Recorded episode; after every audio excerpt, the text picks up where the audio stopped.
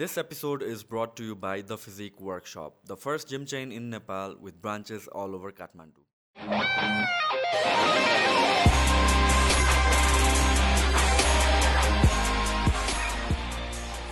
बच्चादेखि हामीले सुन्दै आएको कुरा के भन्नु भनेपछि एग्रिकल्चर भनेको नेपालको मेन अकुपेसन हो फार्मर्सहरू भनेर भनेको चाहिँ नेपालमा सबैभन्दा धेरै अलमोस्ट सेभेन्टी पर्सेन्ट फार्मर्सहरू छौँ भनेर भन्छ र that is suppose to be our main भनौँ न इन्डस्ट्री तर प्रेजेन्ट डे कन्टेक्स्टमा चाहिँ वी हेभ बिन हियरिङ कि नेपालको प्रडक्टहरू नेपालको जुन क्रपहरू छ त्यो इदर एनफ यिल्ड भइरहेको छैन या सेल भइरहेको छैन या प्रपर क्वालिटीमा पुगिरहेको छैन। So what is the issue किन फार्मर्सहरू यहाँ चाहिँ सबै खेती छोडेर घरबार छोडेर बाहिर जानु परेर चाहिँ अरू इन्डस्ट्रिजहरूमा जानु परिरहेको छ र यो एग्रिकल्चर एज एन इन्डस्ट्रीको मेन प्रब्लम के हो? पोलिसीको कारणले हो कि इनोभेसनको कारणले हो कि के अरू इस्युजहरू छ? We discussed on that doctor Rajendra Gautam आउनुभएको छ who is an expert in this field र स्पेसली बेरिजहरूमा काम गर्नुहुन्छ स्ट्रबेरिजदेखि लिएर ब्लुबेरिजहरूदेखि लिएर अरू स्टफहरूमा पनि. And he was most probably the right person to have this conversation and I think कतिवटा कुराहरू चाहिँ हामीले भित्रको थाहा पायौँ. Hope you guys enjoy this podcast so के गर्दै हुनुहुन्छ तपाईँले मेरो एउटा कम्पनी छ अरू थुप्रैजना साथीहरूसँग मिलेर सँगै इस्टाब्लिस गरेको समृद्धि एग्रिकल्चर रिसर्च एन्ड डेभलपमेन्ट भनेर। अनि त्यो कम्पनी मार्फत चाहिँ हामीले बेरी क्रप्सहरू बेरी क्रप्स भन्नाले थुप्रै क्रप्सहरू पर्छन् त्यसमा पनि हामीले काम गरिरहेको चाहिँ स्ट्रबेरी रासबेरी ब्ल्याकबेरी र ब्लुबेरी गरेर चारवटा क्रप्सहरूमा हामीले अनुसन्धान गरेर अनि अनुसन्धानको नतिजाहरूका आधारमा चाहिँ कृषकहरूलाई चाहिँ त्यो प्रविधि हस्तान्तरण गर्ने बिरुवाहरू हस्तान्तरण गर्ने र उहाँहरूले चाहिँ प्रोडक्सनलाई चाहिँ स्केलअप गर्दै अगाडि बढ्नुहुन्छ भन्ने हिसाबले हामीले त्यसमा चाहिँ काम गर्दैछौँ। सो मोस्टली तपाईँले वर्क गर्नु भनेको बेरिजहरूमै हो? बेरिजमै हजुर। है सो यो हाम्रो अब बेरिज भनेको अस्ति पनि हामीले थोरै कुरा गरेको थियो it is because like international demand high छ त्यसको। सो तपाईँको चाहिँ टार्गेटेड कस्टमर्सहरू मोस्टली भित्रको लागि डोमेस्टिक नै हो कि सेल्स कि लाइक मोस्टली बाहिरको लागि टार्गेट गरेर भएको छ? खास त हामीले यो लङ टर्म सोचेरै यो काम सुरु गरेको हो होइन? अनि सर्ट टर्ममा चाहिँ भन्दाखेरि हामी कहाँ बेरिजहरूको उत्पादन नै कम छ होइन? हामी कहाँ अलिकति उत्पादन भइरहेको स्ट्रबेरी हो। त्योदेखि बाहेक अरू बेरिजहरूको त अफिसियल्ली अथवा कमर्सियल्ली भनौँ उत्पादन सुरु नै भएको छैन। मार्केटमा खासै भेटिने भन्दा स्ट्रबेरिज मात्र स्ट्रबेरिज मात्र हो। अनि त्यो हिसाबले इनिसियल्ली चाहिँ हामी डोमेस्टिक मार्केटमै जाने र लङ टर्ममा चाहिँ हामी इन्टरनेसनल मार्केटमा जानुपर्छ भन्ने हिसाबले चाहिँ हामीले यो चाहिँ कामहरू सुरु गरिरह्यो। सो यो बेरिजको कुरा गर्दाखेरि पनि आई मिन लाइक स्ट्रबेरी बाहेक अरू बेरिजहरू नेपालमा नहुनुको कारण डिमान्ड नै नभएर हो कि कि like it takes more effort या त्यो इट्स कम्प्लिकेटेड के कारणले हजुर। यो अलिकति इन्ट्रेस्टिङ कुरा छ है। बेरिजहरूमा ब्लुबेरी रासबेरी र ब्ल्याकबेरी यो तिनवटा बेरिजहरू पहिला चाहिँ वाइल्ड फर्ममा चाहिँ पाइन्थ्यो है? जस्तो रासबेरी त नेपालमा जसलाई ऐसेलु भन्छौँ हामीले होइन? नेपालको अब मध्य पहाडी क्षेत्रमा अहिले पनि पाउँछ नपाउने त होइन। तर कस्तो भने जुन अहिले कमर्सियल्ली वर्ल्डमा अब अमेरिका युरोपतिर धेरै खेती हुन्छ बेरिजहरूको अनि त्यो भनेको त्यो वाइल्ड बेरिजहरूलाई उनीहरूले जेनेटिकली इम्प्रुभ गरेर नयाँ हाइब्रिड्सहरू डेभलप गरेर अनि त्यस पछाडि चाहिँ यसको प्रोडक्सन चाहिँ कमर्सियल स्केलमा सुरु भएको हो है। जस्तो फर इक्जाम्पल हामी धानको कुरा गरौँ होइन। दसौँ हजार वर्ष पहिलेदेखि धान खेती गर्न मान्छेहरूले गरिरहेको थिए खाइरहेको थिए है। अब यस्तै पोटेटोको कुरा गऱ्यौँ भने पनि हजारौँ वर्ष है? तर हामी बेरिजको कुरा गऱ्यौँ भने जस्तो ब्लुबेरीको कुरा गरौँ ब्लुबेरी भनेको कमर्सियल्ली यसलाई प्रोडक्सन गरेर मार्केटिङ गर्न थालेको सय वर्ष पनि भएको छैन। ओके धेरै लामो हिस्ट्री नै छैन धेरै धेरै लामो हिस्ट्री नै छैन है?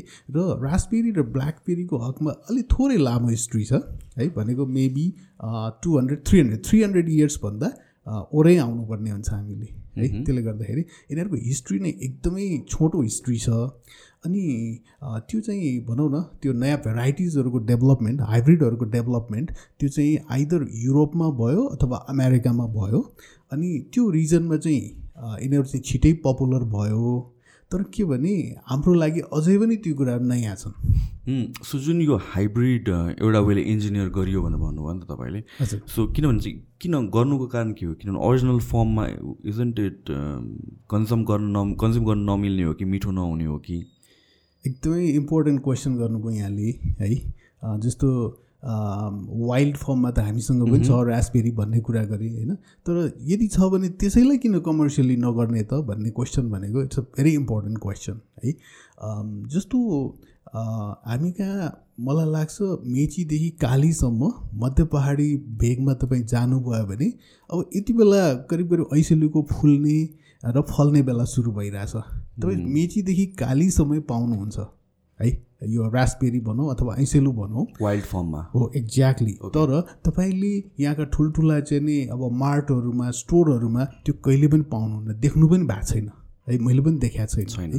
त्यो कारण के भन्दाखेरि यो वाइल्ड फर्ममा भएका जति पनि हाम्रा विभिन्न खालका अब फलफुल भनौँ बेरिज भनौँ ती चिजहरू छन् ती चिजहरू कमर्सियल्ली तपाईँले गर्नुभयो भने त्योबाट तपाईँले प्रफिट लिन सक्नुहुन्न। किनभने कारण चाहिँ तिनीहरूको प्रोडक्टिभिटी तिनीहरूको उत्पादनै एकदमै थोरै हुन्छ। है? अनि अर्को कुरा चाहिँ जस्तो मार्केटमा कमर्सियली चल्नको लागि हरेक चिजका सर्टेन क्वालिटिजहरू हुनुपर्ने हुन्छ कि। जस्तो भनौँ रासबेरी हामीले गाउँमा गएर टिप्यौँ अनि त्यो यदि बजारसम्म आउँदाखेरि त्यो बिग्रिसक्यो भने त एउटा चाहिँ प्रोडक्टिभिटीको कुरा भयो होइन? मतलब जति फल्नुपर्ने हो प्रफिटेबल हुनलाई त्यति फलेन भने त त्यो प्रफिटेबल भएन त्यो सस्टेनेबल हुन सकेन। अनि त्यस पछाडिका अरू रिजन्सहरू भनेको क्वालिटी स्ट्यान्डर्डहरू है? जस्तो सर्टेन साइजको हुनुपर्छ होइन? अनि अब सर्टेन डेजसम्म त्यो यत्तिकै रुम टेम्परेचरमा राख्दाखेरि पनि त्यो रहने खालको हुनु पऱ्यो है। अनि अब स्विटनेसको कुराहरू भयो होइनदेखि लिएर थुप्रै कुराहरू यदि मिलेन भने त्यो मार्केटले त्यसलाई एक्सेप्ट गर्दैन है। र अहिले रिसेन्टली साइन्टिस्टहरूले भनौँ न जस्तो रासबेरीको नयाँ भेराइटी ल्याउनु पऱ्यो भने उनीहरूले चाहिँ यति धेरै कुराहरू सोचिरहेको हुन्छ कि कन्ज्युमरले के चाहिँ खोजिरहेछ त? कन्ज्युमरले मानव साइज खोजिरहेछ भने उनीहरूले त्यही साइजको निकाल्छ है। अनि कन्ज्युमरले यदि स्विटनेस चाहिँ नि अलिक अलिक बढी गुलियो भएको खोजिरहेछ भने अनि त्यो ल्याउनको लागि त्यो ट्रेड चाहिँ लिएर आउनको लागि उसले प्रयास गर्छ र त्यो खालको जातहरू विकास गर्छ। ओके सो एक्जिस्टिङ जुन क्रप्सहरू छ त्यो बेरिजहरू छ त्यसमा पनि अझ रिइन्जिनियरिङ भइरहेको छ। यसलाई अलिकति यसलाई अलिकति तपाईँको प्रश्नलाई थोरै तोडमोड गर्न चाहन्छु है। यो इन्जिनियरिङ भन्दाखेरि कतै यो जिएमओ हो कि होइन जेनेटिक इन्जिनियरिङ नै हो कि भन्ने एउटा प्रश्न उठ्छ है. जेनेटिक इन्जिनियरिङ अब त्यो भेराइटी डेभलपमेन्टमा युज हुने एउटा टेक्निक चाहिँ हो होइन? तर सबैमा त्यही टेक्निक युज हुन्छ भन्ने छैन। र हामीले जुन थुप्रै भेराइटिजहरूमा काम गरिरहेछौँ र हामीले युज गर्ने भेराइटी कुनै पनि जेनेटिक इन्जिनियरिङबाट डेभलप गरिएको भेराइटी होइन। र यो जेनेटिक इन्जिनियरिङको एउटा अर्को पाटो भनौँ न। यो हाइब्रिड हाइब्रिडाइजेसन है? यो हाइब्रिडाइजेसन गरेर विकास गरिने एउटा टेक्निक हुन्छ होइन? त्योबाट धेरै जातहरू विकास गरिएको हुन्छ। सो एक्जिस्टिङ जुन हाइब्रिडाइजेसन गरेर विकास गरिएको छ अलरेडी त्यसमा पनि स्टिल वर्कहरू हुँदैछ try and figure out more एकदमै। यो कस्तो हुन्छ भने समयको माग जस्तो भनौँ न आज मैले एउटा प्लान्टबाट मानौँ एक केजी फलाएँ भने नेक्स्ट इयर मेरो चाहना के हुन्छ भने म दुई केजी फलाउँ। राइट है किनभने while maintaining the same quality while maintaining the same quality अझ इभन इम्प्रुभिङ द क्वालिटी किनभने मार्केटको यो एउटा चेन्जिङ जुन नेचर छ त्यसलाई मिट गर्नु पऱ्यो अनि वर्ल्ड वाइड रूपमै कम्पिटिसन त भइरहेछ नि त है जस्तो अब किवीको कुरा गर्छु। हाम्रो नेपालमा किवी नफल्ने त होइन नि तर still we have lot of kiwis होइन? तर न्युजिल्यान्डबाट आइरहेछ है? हाम्रो किविजलाई हार्डली टु हन्ड्रेड पर्दाखेरि है न्युजिल्यान्डबाट सिक्स हन्ड्रेड अथवा five hundred sometimes seven hundred per केजीको होइन? त्यो रेटमा पनि आइरहेछ। है किनभने मार्केटले always better and better quality त्यो खोजिरहेको हुन्छ। अनि त्यो डिमान्डलाई मिट गर्नलाई कन्सटेन्टली साइन्टिस्टहरूले नयाँ भेराइटिजहरू डेभलप गरिरहेको हुन्छन्। र मलाई लाग्छ भनौँ न यो हामी आजभन्दा सय वर्ष दुई सय वर्ष पाँच सय वर्ष पछाडि गयौँ भने पनि यो काम चाहिँ यो भेराइटी डेभलपमेन्टको काम चाहिँ कन्सटेन्टली आवश्यक परिरहेको छ र यो चलिरहने प्रक्रिया हो।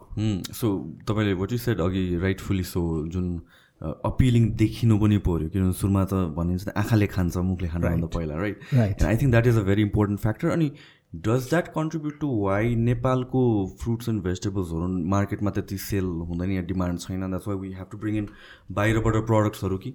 एक्ज्याक्टली तपाईँले एकदमै इम्पोर्टेन्ट कुरा गर्नुभयो है? जस्तो म यो प्रश्नलाई अलिकति फरक तरिकाले म इलाबोरेट गर्ने प्रयत्न गर्दैछु। अ, त्यसमा पनि सबै कुराहरू जस्तो अब सिडको कुरा गरौँ न होइन? सिड चाहिँ धानको पनि सिड होला गहुँको पनि सिड होला अनि एप्पलको भयो भने सिड प्रयोग हुँदैन। त्यसमा चाहिँ बिरुवा प्रयोग हुन्छ। ओके। है? पिँडालुको भयो भने गानो प्रयोग हुनसक्छ। है? त्यसकारण यो सबै सिडहरूको एभाइलेबिलिटी नेपाली मार्केटमा इक्वेल छ भन्न मिल्दैन। जस्तो धानको भयो भने हामीसँग भनौँ न अमेरिकामा डेभलप भएको अथवा इन्डियामा चाइनामा धेरैतिर डेभलप भएका नयाँ जातहरू हामीसँग रिलेटिभली बढी चाहिँ एभाइलेबल छन् भने सर्टेन कुराहरू जस्तो बेरिजहरूको कुरा हामी गरिरहेछौँ बेरिजहरूको एभाइलेबल नै छैनन्। है? एभाइलेबल छैनन् भन्दा पनि अझ म यस्तो भन्छु ती चिजहरू जस्तो भनौँ न एउटा बेरीमा काम गरिरहेको अन्टरप्रिनियरको हिसाबले मैले जुन जुन भेराइटीहरू ल्याउन चाहन्छु नि त्यो भेराइटीहरू मैले ल्याउनै सक्दिनँ। इम्पोसिबल? अहिलेको कन्टेक्स्टमा है? अब यो कुरालाई अब कसरी एक्सप्लेन गरौँ भन्दाखेरि यो प्लान्ट्सहरू जुनसुकै कुराको प्लान्ट्सहरू स्पेसल्ली बेरिजहरू फ्रुट्सहरूको प्लान्ट्सहरू त्यो चाहिँ टिस्यु कल्चरबाट एउटाबाट मिलियन्स अफ प्लान्ट्सहरू निकाल्न सकिन्छ है? अनि उनीहरूले चाहिँ अब यति धेरै पैसा खर्च गरेर त्यो भेराइटी डेभलप गरिरहेछ है? अनि उनीहरूले डेभलप गरेको भेराइटी यदि मानिलिउँ मैले यहाँ एउटा मात्र प्लान्ट लिएर आउनु पाएँ भने त्यसबाट मैले मिलियन्स प्लान्ट्स निकाल्न सक्छु है? अनि त्यो भयो भने उनीहरूको जुन इन्टेलेक्चुअल प्रोपर्टी छ नि होइन त्यो त मैले मिसयुज गर्ने भएँ नि त। राइट है अनि त्यो पोसिबिलिटी भएको कारणले उनीहरूले चाहिँ यस्ता चिजहरू हामीलाई पठाउन चाहँदैनन्। है त्यसको लागि हामीले नेगोसिएसन गर्नुपर्छ। हाम्रा पोलिसिजहरूलाई हामीले रिफाइन गर्नुपर्छ सच्याउनुपर्छ। हामीमा एउटा मोटिभेसन पनि चाहियो जस्तो भनौँ न एउटा किसान होइन? जसले आजभन्दा सय वर्ष पुरानो भेराइटिजहरू खेती गरिरहेछ जसको प्रोडक्टिभिटी कम छ जसले रोगहरू सहन सक्दैन किराहरू सहन सक्दैन अनि त्यस पछाडि फाइनली जुन प्रडक्ट उसले मार्केटमा लग्छ त्यसको क्वालिटी पनि राम्रो छैन। कन्ज्युमरले पनि त्यसलाई हाई पे प्राइस पे गर्न तयार छैन भने त्यस्तो केसमा त हामीले right variety recently develop variety जुन हरेक हिसाबले मोर कम्पिटेन्ट छन् त्यस्तो भेराइटीलाई हामीले यहाँनिर ल्याएर किसानलाई सप्लाई गर्न सक्यौँ भने त किसानले डेफिनेटली उसले उताबाट बाहिरबाट आउने युरोपबाट आउने अस्ट्रेलियाबाट आउने प्रडक्सन कम्पिटिसन गर्न सक्छ नि त। तर हाम्रो नेपाली किसान चाहिँ कस्तो छ भने सुरुमै त्यो कम्पिटिसनमा फेल हुन्छ किनभने he started with an absolute variety अथवा धेरै पुरानो भेराइटी जब कि मार्केटमा धेरै नयाँ नयाँ कुराहरू आइसके।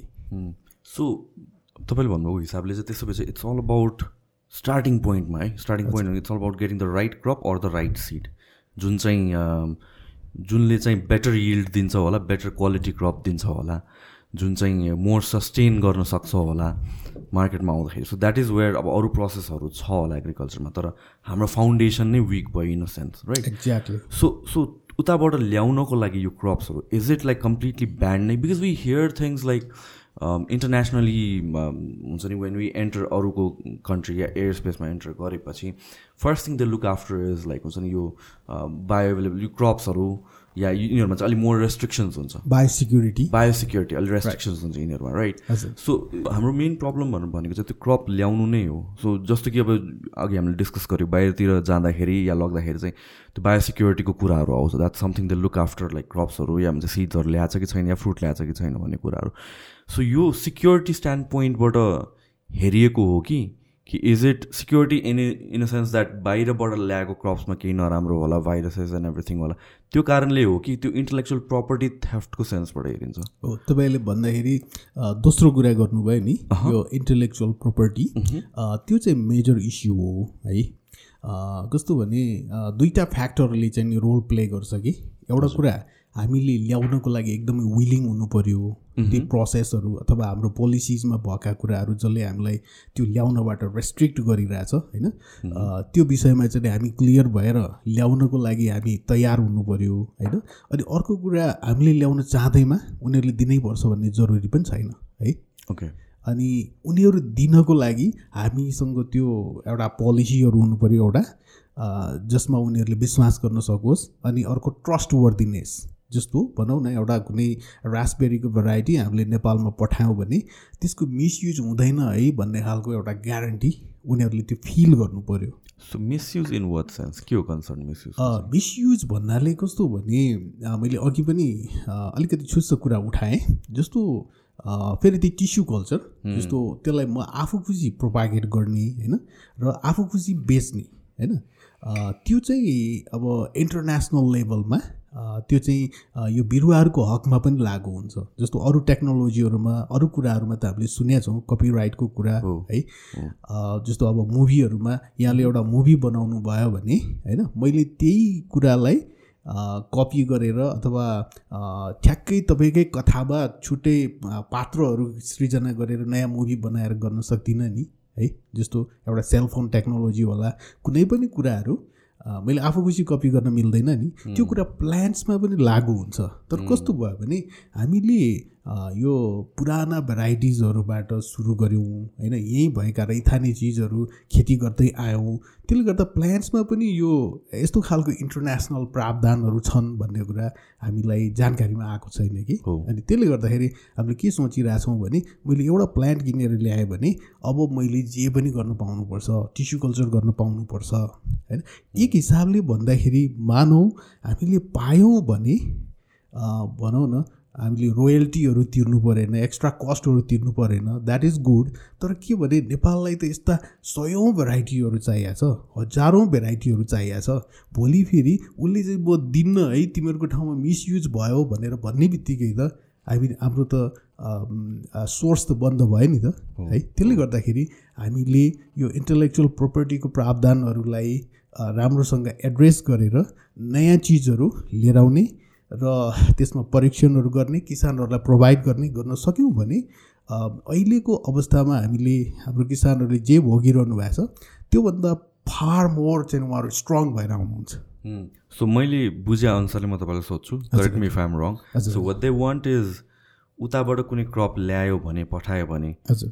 लेट्स से यहाँको person A is liable let's होइन? सो उसले डिस्ट्रिब्युट गर्न पाएन। What they want is they directly deal with person A B and C rather than they sending it to A अनि एले डिस्ट्रिब्युट गर्नु सट्टा। है यहाँले मलाई कस्तो सजिलो बनाइदिनु भयो कि एक्सप्लेन गर्नलाई? यहाँको क्वेसनमा बडो दम छ है।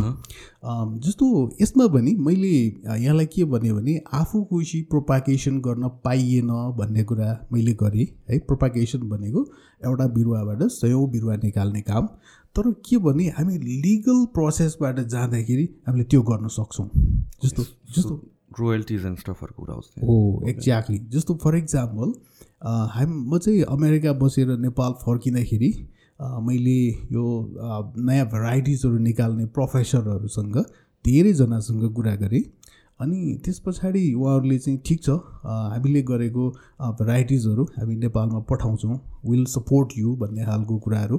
उहाँहरूले गरिसके पछाडि मलाई एकदमै धेरै खुसी लाग्यो कि है। अनि त्यो भनेको मेरो लागि एकदमै ठुलो एसेट थियो है। नेपालमा रिसेन्टली डेभलप गरेका भेराइटिजहरू ल्याउन पाउने र प्लस यहाँ प्रोपागेसन गर्न पनि पाउने है। जस्तो एउटा कन्सेप्ट चाहिँ भनौँ न नेपालले नयाँ चिजहरू ल्याउन नचाहनुको एउटा कारण चाहिँ के पनि हुनसक्छ भने सबै चिज बाहिरबाट ल्याउनु पऱ्यो भने हाम्रो करेन्सी त बाहिर जान्छ नि त। होइन? त्यो त यथार्थ हो होइन? एउटा लजिक त्यो पनि हुनसक्छ। तर यदि हामीले त्यो लाइसेन्स लिएर आएर यहीँ प्रोपागेसन गर्न पाउने हो भने हामीले त्यो बाहिर जाने पैसालाई पनि हामी रोक्न सक्छौँ। हामीले यहीँ नेपालमै एकदमै हाई स्ट्यान्डर्डको प्लान्ट्सहरू सिड्सहरू नेपालमै प्रडक्सन गर्न सक्छौँ। त्यसको लागि हामीले एउटा प्रयास गर्न जरुरी छ है। अनि अनि उहाँहरूसँग नेगोसिएसन पऱ्यो है। त्यो भयो भने नेपालमा हामीले थुप्रै खालको सिड्सहरू प्रडक्सन गर्न सक्छौँ प्लान्ट्सहरू प्रडक्सन गर्छौँ गर्न सक्छौँ। र त्यो नगरिरहँदाखेरि अहिले हामीले अर्बौँ रुपियाँ चाहिँ बाहिर पठाइरहेछौँ। सो मैले बुझेअनुसारले so it's not just a matter of not sending money पैसा यहाँ अड होल्ड गर्नु मात्र होइन कि can we not export in the future कि त्यो एकदम फार फेस्ट ड्रिम हो। एकदमै सही कुरा गर्नुभयो। हामी एक्सपोर्ट पनि गर्न सक्छौँ। किनभने रियलिस्टिक नै हो। रियलिस्टिक हो. है जस्तो फर इक्जाम्पल कतिपय क्रपहरूको लागि नेपालको यो मध्य पहाडी अथवा हाम्रो बेसिजहरू छ नि थुप्रै बेसीहरू छन् नि त्यो इन्भाइरोमेन्ट भनेको बेस्ट इन्भाइरोमेन्ट हो। जस्तो राइसको हाइब्रिड सिड उत्पादन गर्नको लागि विश्वका कति ठाउँहरूमा त्यो सम्भव नहुन सक्छ। तर हाम्रो यो मध्य पहाडी क्षेत्र त्यो चाहिँ बेस्ट हुनसक्छ। यस्तै अरू पनि थुप्रै क्रपहरू छन् जसको लागि नेपाल चाहिँ बेस्ट हुनसक्छ र हामीले एक्सपोर्टमा पनि हामी जान सक्छौँ। सो मैले यो कुरा चाहिँ अलिकति कोटाउने किन खोज्छु भनेर भनेपछि कतिचोटि we have this kind of टकहरू with regular people अब of course you're an expert so you would know in and out यो कुरामा चाहिँ। राइट तर मोस्ट कन्टेक्स्टमा चाहिँ हामीहरू अब वी बिङ नेपालिजहरू अनि एउटा नेसनलिजम छ हामीहरूमा अनि वी अज्युम के लागेको छ हामीले जे पनि गर्न सक्छौँ काइन्ड अफ तर रियालिटीमा वेयर डु वी स्ट्यान्ड भन्ने कुराहरू पनि आउँछ। So that's why set is it like far far fetched dream हो कि is it too ambitious for us to be able to export क्रप्सहरू किनभने चाहिँ वि यो कुराहरू चाहिँ धेरै कन्भर्सेसन्समा आउँछ स्पेसली अहिले अब युथहरूको कुरामा गर्ने हुन्छ मेरोवानाको कुरा आउँछ मेरोवाना एक्सपोर्ट गर्न सकिन्छ एक्सपोर्ट गर्न सकिन्छ भनेर भन्छ। But I'm not sure is it coming from nationalistic point of view कि एक्चुअल स्ट्याटिस्टिक्स र डेटाले पनि त्यसलाई सपोर्ट गर्छ। किनभने चाहिँ यत्रो इयर्ससम्म नेपालमा ब्यान्ड भयो। होइन अनि त्यसपछि अब इट्स इन टक्स लाइक गर्ने नगर्ने अलिकति सम सोर्ट अफ पब्लिकली कुराहरू उठाउँछ in terms like economically benefit हुनसक्छ यताउति. बट देन ग्लोबल कन्टेक्समा हेर्ने हो भने त मेरोवाना त अर्कै लेभलमा पुगिसक्यो. त्यही हाइब्रिडाइजेसनदेखि लिएर सो मेनी थिङ्सहरू कम्स इन टु प्ले यहाँतिर अब अभाइलेबल भए पनि इट्स लाइक वाइल्ड ग्रो भइरहेको कुराहरू so can we catch up to that game भन्ने कुरा पनि आउँछ नि त. So same thing with other crops पनि. हो एक्ज्याक्टली यहाँले भन्नुभयो जस्तो नेपालमा यो सम्भावना छ त्यो सम्भावना छ होइन? यो गर्न सकिन्छ त्यो गर्न सकिन्छ भनेर हामीले पढ्न थालेको सुन्न थालेको दशकौँ भइसक्यो नि। है? तर दशकौँ बितिसक्दा पनि हामीले जे पढाएको थियौँ बच्चा बेलामा त्यो चिज भयो त भनेर हेर्दाखेरि हामीले भा जस्तो केही पनि देख्न सकिँदैन। अधिकांश कुराहरू भा जस्तो देख्न सकिँदैन। अनि त्यसले चाहिँ हामीलाई एउटा कस्तो फिलिङ चाहिँ दिइरहेछ भन्दाखेरि यो यो छ र त्यो छ भनेर चाहिँ हामी भन्छौँ। तर रियलिस्टिक होइन कि? त्यो गर्न. नसकिने कुरालाई पनि हामीले छ छ भनेर भनिरह हो कि भन्ने खालको एउटा त्यो प्रश्न चाहिँ उठिरहेछ सधैँभरि है। तर यथार्थ चाहिँ मलाई के हो के हो जस्तो लाग्छ भने ती सबै एकदमै सम्भावना भएका कुराहरू हुन् है। जस्तो नेपालमा नेपालको कृषिलाई मोडर्नाइज गरेर एक्सपोर्टमा जाने भन्ने कुराहरू त्यो धेरै गम्भीर कुरा धेरै ठुलो कुरा हामीले दशकौँ बिताउनु पर्ने कुरा होइन? त्यस्तो जटिल कुरा होइन। तर त्यो किन भएन भन्ने प्रश्नको उत्तर गर्नुपर्दाखेरि चाहिँ मलाई के लाग्छ भने हामी पोलिसिजहरूमा चुक्यौँ। है मुख्य कुरा राष्ट्रले एउटा भिजन बनाउनु पर्छ कि भनौँ न आज हामी यहाँनिर उभिएर कुरा गर्दाखेरि हामीलाई एउटा के कुरा क्लियर भइदिएको हुन्थ्यो भने जस्तो दस वर्ष पछाडि नेपालको एग्रिकल्चर कहाँ जाँदैछ त? अथवा म एउटा अथवा अरू कुनै एउटा एग्रिकल्चर अन्टरप्रेनियरले ओके नेपालको प्रायोरिटी चाहिँ यसमा छ है है नेपाल अब फलानु मार्केटलाई क्याच गर्नको लागि जाँदैछ है भन्ने खालको कुराहरू त्यो खालको भिजनहरू है त्यो खालको प्रोग्राम्सहरू यदि भइदिएको भए हामीले सुनेका जति पनि कुराहरू छन् ती एचिभ गर्नलाई गाह्रो हुन्थेन। है। तर हामी भिजनमा चाहिँ पोलिसिजमा चाहिँ हामी फेल भयौँ विगतमा र अहिले पनि हामी फेल नै भइरहेछौँ जस्तो लाग्छ मलाई चाहिँ। So in terms of policy seriousness चाहिँ कहाँ आइरहेको छैन? किनभने वी अन्डरस्ट्यान्ड बच्चादेखि पढिरहेको र सेभेन्टी पर्सेन्ट हाम्रो भने एग्रिकल्चर हो। Right seventy percent occupation agriculture हो. फार्मर्स हो भनेर हामीहरू पढ्छौँ। राइट बट देन ठुलो भएपछि वी रियलाइज कि नेपालमा त नेपालकै क्रप्सहरू बिग्दैन हामीहरू सबै त बाहिरबाट आउने रहेछ। हामीहरू हाम्रै क्रप्सबाट सस्टेनेबल छैनौँ। होइन फर्केट अबाउट एक्सपोर्ट यहाँभित्र नै कन्जम्सनको लागि पुगिरहेको छैन। So in a way we hear कि नेपालको क्रप्सहरू प्रडक्सन हुन्छ तर डिस्ट्रोय गरिन्छ या मार्केटमा पुग्दैन या भन्छ फार्मर्सहरूले जुन क्रपहरू ग्रो गरेको थियो त्यसको आम्दानी नै जेनेरेट गर्न सक्दैन। क्रप हुँदा हुँदा पनि अरू कुरा इज क्रप्सहरू पुग्या नै छैन पनि हो फेरि again so something doesn't add up हामीहरू नर्मल मान्छेहरूले नबुझेको कुरा चाहिँ के हो यहाँ? हजुर। खास कुरा चाहिँ मलाई चाहिँ के हो जस्तो लाग्छ भन्दाखेरि मैले खास यो प्रश्नको उत्तर गर्दाखेरि जस्तो मैले धेरै ठाउँहरूमा काम गरेर हेरेँ कि भनौँ न। मैले गभर्मेन्ट सर्भिसमा पनि काम गरेँ। अनि एज अ प्राइभेट सेक्टरको रूपमा पनि काम गरेँ एकाडेमिया एकाडेमियामा पनि काम गरेँ होइन? अनि मसँग अलिकति इन्टरनेसनल भनौँ न मैले अमेरिकामा पनि थुप्रै वर्ष बसेर काम गरेँ होइन? अनि मलाई चाहिँ कता कता के लाग्छ भने यो सबै कुराहरू हामीले सोचे अनुसार अथवा हामीले योजना बनाए अनुसार त्यो हुन नसक्नुको पछाडिको रिजन चाहिँ हामीले जे योजनाहरू बनायौँ है ती योजनाहरू अथवा ती पोलिसिजहरू एकदमै अव्यावहारिक थिए अपुरो थिए अधुरो थिए। है जस्तो नेपालको एग्रिकल्चर पोलिसी भनेर मलाई याद भएसम्म दुई हजार त्रिसठी भनेर मानिन्छ। अनि त्यो एउटा डकुमेन्ट तपाईँले पढ्नुभयो भने त्यसमा तपाईँले ब्युटिफुल कुराहरू पाउनुहुन्छ।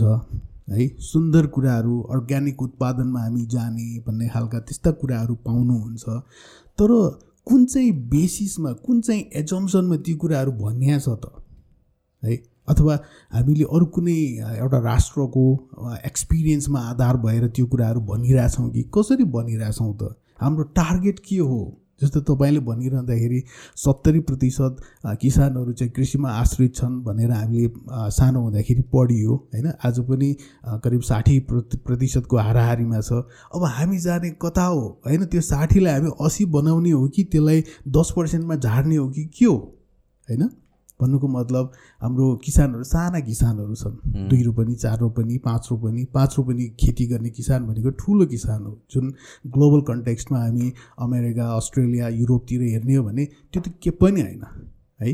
अब यो ग्लोबल कन्टेक्स्टमा हामी अस्ट्रेलियन किसानसँग कम्पिट गरिरहेछौँ। किनभने अस्ट्रेलियाको प्रडक्ट हामी कहाँ आइरहेछ है?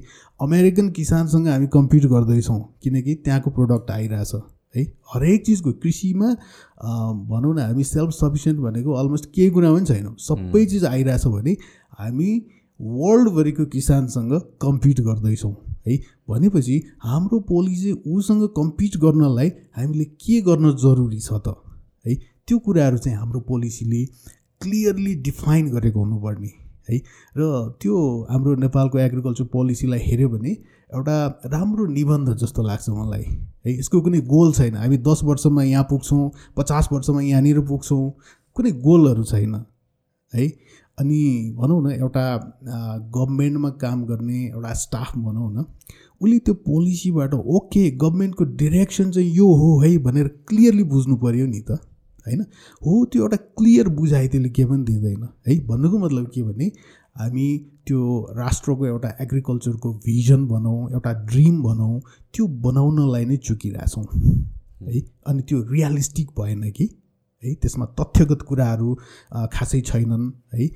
त्यो एउटा भनौँ न मनगणन्ती कुरा जस्तो मात्र भयो। है त्यसले गर्दाखेरि यसले गाइड गर्न सकिरहेको छैन। हाम्रो जति पनि संयन्त्रहरू छन् नि संयन्त्रहरूले हाम्रो पोलिसीको आधारमा हामी म अबको सर्टेन समयमा यो स्टेजमा पुग्नै पर्छ है अथवा पुग्न सकेन भने म यति चाहिँ पछाडि भएँ भनेर क्वान्टिफाई पनि त गर्न सक्नु पऱ्यो नि त होइन? त्यो खालको पाएन एउटा पाटो अनि अर्को पाटो हामीसँग थुप्रै पोलिसिजहरू छन् थुप्रै बडिजहरू छन् त्यो पोलिसिजहरूलाई इम्प्लिमेन्टेसन गर्नलाई तर हामी कहाँ इम्प्लिमेन्टेसन भइरहेको छैन। है जस्तो अघि यहाँले बायोसिक्युरिटीको कुरा उठाउनु भएको थियो एउटा कुरा चाहिँ हामी बाहिरबाट कुनै चिज नयाँ चिज ल्याउनु पऱ्यो भने बायोसिक्युरिटीको कुराहरू पनि उठ्छ है। अनि त्यस पछाडि यो जिएमओ हो कि भनेर एउटा त्यो त्रास भनौँ न होइन? त्यो त्रास पनि फैलिन्छ। त्यो त्रासले गर्दाखेरि पनि यहाँको ब्युरोक्रेसी बाहिरबाट चिजहरू ल्याउनको लागि भन्दा नल्याउनु पाए हुन्थ्यो भन्ने खालको त्यो खालको इन्टेन्सन देखिन्छ है?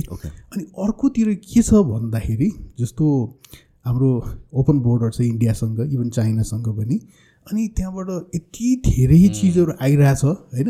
अनि त्यो इन्फर्मल्ली आउँदाखेरि त बायोसिक्युरिटीको त केही अर्थै भएन। है?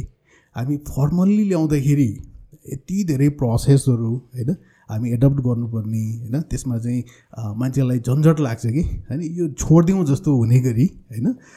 हामी त्यसरी चाहिँ एउटा प्रक्रिया अ, पुर्याउनु पर्ने होइन? त्यो खालको सिस्टम हामी चाहिँ चलाइरहेछौँ होइन?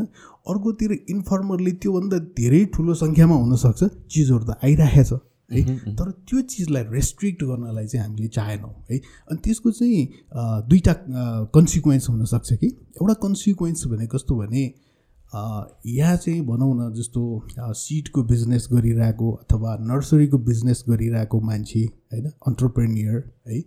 अनि इन्डियाबाट इलिगल्ली होइन भेराइटिजहरू आइडेन्टिफाई नभएको है कुनै ट्यागिङहरू कुनै त्यो सिस्टम नभएको त्यो चिजहरू सस्तो एकदमै सस्तोमा आइदिँदाखेरि यहाँको अन्टरप्रेनियर सर्भाइभ नै गर्न सक्दैन Okay. होइन भोलिका दिनमा त उसले आफ्नो क्वालिटी स्ट्यान्डर्ड त बढाउँदै लानु छ नि त माथि माथि लिएर जानु छ नि त होइन जब उसले त्यो चिप चिजसँग कम्पिट गर्नुपर्छ ऊ कसरी माथि जान सक्छ?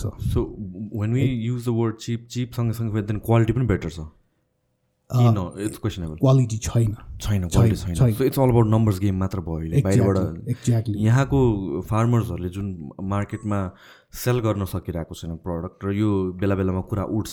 किन त नेपालमा प्रोडक्सन हुँदा हुँदा पनि मार्केटमा जाँदैन भनेपछि मोस्ट अफ द टाइम्स पोलिटिक्सको कुरा आउँछ। आई डोन्ट नो त्यो बायसनेस र पोलिटिक्स र करप्सनको कुरा के हो बट हामीले यत्तिकै इकोनोम बेसिक इकोनोमिक्स पनि हेर्दाखेरि इट इज बिकज बाहिरबाट चाहिँ सस्तोमा प्रडक्ट आइरहेछ। Again which is which might be short टर्ममा beneficial for the consumers तर फार्मर्सले चाहिँ कहिले पनि त्यो surplus in terms of economic value पाउनु पाएन जसले चाहिँ they can experiment and research and make their crops may be cheaper and better त्यही भएर हो हो। यो कुरालाई मैले अलिकति सेग्रिगेट गर्न कसरी चाहेँ भने एउटा चाहिँ प्लान्ट्सको इम्पोर्ट भयो है। अर्को चाहिँ अब जस्तो भेजिटेबल्सहरू फ्रुट्सहरूको इम्पोर्ट भयो है। म प्लान्ट्सको इम्पोर्ट्सबाट सुरु गर्छु। अनि जस्तो हर्टिकल्चरल क्रप्सहरू भनौँ जस्तो फ्रुट्स क्रप्स भनौँ जस्तो आँप भनौँ अथवा स्याउ भनौँ होइन। एउटा प्लान्ट मैले लिएर आएँ भने त्यो एकचोटि मैले त्यो प्लान्टमा इन्भेस्ट गर्छु है। र त्यो प्लान्टबाट मैले चालिस पचास वर्षसम्म भनेको मेरो एजको मान्छेले स्याउ रोप्यो भने उसको छोराको जेनेरेसनसम्म त्यसबाट चाहिँ रिटर्न लिने हो हामीले है? भनेपछि त्यो प्लान्ट चाहिँ कति क्वालिटीको हुन जरुरी होला त है? त्यो पचास रुपियाँ पच्चिस रुपियाँ पचहत्तर रुपियाँको प्राइस हाई छ भन्ने कुरासँग त्यसले सरकार राख्ने नै भएन है? त्यसले सरकार केसँग राख्ने भयो भने क्वालिटी छ कि छैन? है। अनि क्वालिटी भन्दाखेरि दुई तिनवटा कुरा आउँछ। एउटा चाहिँ अघि मैले भने जस्तो त्यो लेटेस्ट भेराइटिजहरू जुन हाम्रो इन्भाइरोमेन्टको लागि हाम्रो मार्केटले खोजेको भेराइटी हो कि होइन भन्ने कुरा भयो। अनि अर्को त्योसँगै डिजिजहरू अथवा इन्सेक्ट्सहरू छन् कि छैनन् त होइन? जुन हाम्रो इन्भाइरोमेन्टमा पहिला थिएन त्यो इन्ट्रोड्युस हुनसक्छ है? अनि यो इन्डियाबाट जुन एकदमै इन्फर्मल्ली जुन आइरहेछन् बिरुवाहरू त्योसँगै थुप्रै डिजिजहरू आउने सम्भावना हुन्छ। अनि अर्को कुरा म यहाँलाई के पनि जानकारी गराउँ भने कुनै पनि कन्ट्रीबाट अहिलेको हाम्रो पोलिसी अनुसार माटोमा उमारिएको बिरुवाहरू त्यो चाहिँ नेपालभित्र इन्टर्न गर्न पाउँदैन लिगल्ली है। तर म धेरै ठाउँमा बोर्डरमा चाहिँ नि इन्डिया नेपालको बोर्डरमा जाँदाखेरि ठेलागा ठेला ती बिरुवाहरू चाहिँ आइराखेका देखाएको छु कि। त्यसले गर्दा यहाँको अन्टरप्रेनियरलाई त डाइरेक्टली असर गर्यो नै है?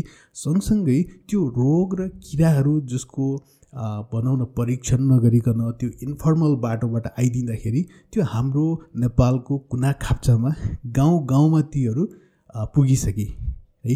अनि अब त्यसलाई ती रोगहरूलाई अब कसरी चाहिँ नि अब नियन्त्रण गर्ने होइन? त्यो अलमोस्ट इम्पोसिबल हुन्छ। जब हामी यसलाई चाहिँ नि फाजारले छोडिदिन्छौँ नि अनि त्यसपछि त्यसलाई सम्हाल्ने काम भनेको त्योभन्दा हन्ड्रेड टाइम्स बढी कम्प्लिकेटेड हुन्छ। सो हामीले रोगको कुरा गर्दाखेरि यो भनेको चाहिँ बोट बिरुवा स्पेसिफिक रोगहरू हो। राइट ओके हो। सो यस्तो केही भएको छ? पहिला पनि अरू कतै बिकज अफ यो रोगहरूले गरेर चाहिँ इफेक्ट परेको छ लार्ज स्केलमा एक्ज्याक्टली जस्तो म यहाँलाई उदाहरण दिउँ। सायद मिडियामा कतै यहाँले पनि देख्नुभयो होला हाम्रो नेपाली स्टुडेन्टहरू नेपालबाट अस्ट्रेलिया जाँदाखेरि उनीहरूले स्याउ खाँदै गएको थियो होइन? अनि त्यो स्याउ उनीहरूले त्यो भनौँ न त्यो पेपर एउटा साइन गर्नुपर्ने हुन्छ डिक्लेयर गर्नुपर्ने हुन्छ डिक्लेयर गरेको थिएन होइन? त्यो केसमा उनीहरूलाई डिपोर्टसम्म गर्न सकिन्थ्यो। है भनेको जेल पनि पठाउन सकिने case very strict very strict यतिसम्म कि अझै भनौँ न जस्तो सुन्तलाको कुरा गरौँ त्यसमा एउटा डिजिज छ जस्तो अमेरिकामा एउटा स्टेटबाट अर्को स्टेटमा तपाईँले आफू खुसी त्यो सुन्तला लिएर जान पाउनुहुन्न। प्लान्ट्सहरू त्यो सप्लाई गर्नलाई एकदमै रेस्ट्रिक्टेड छ।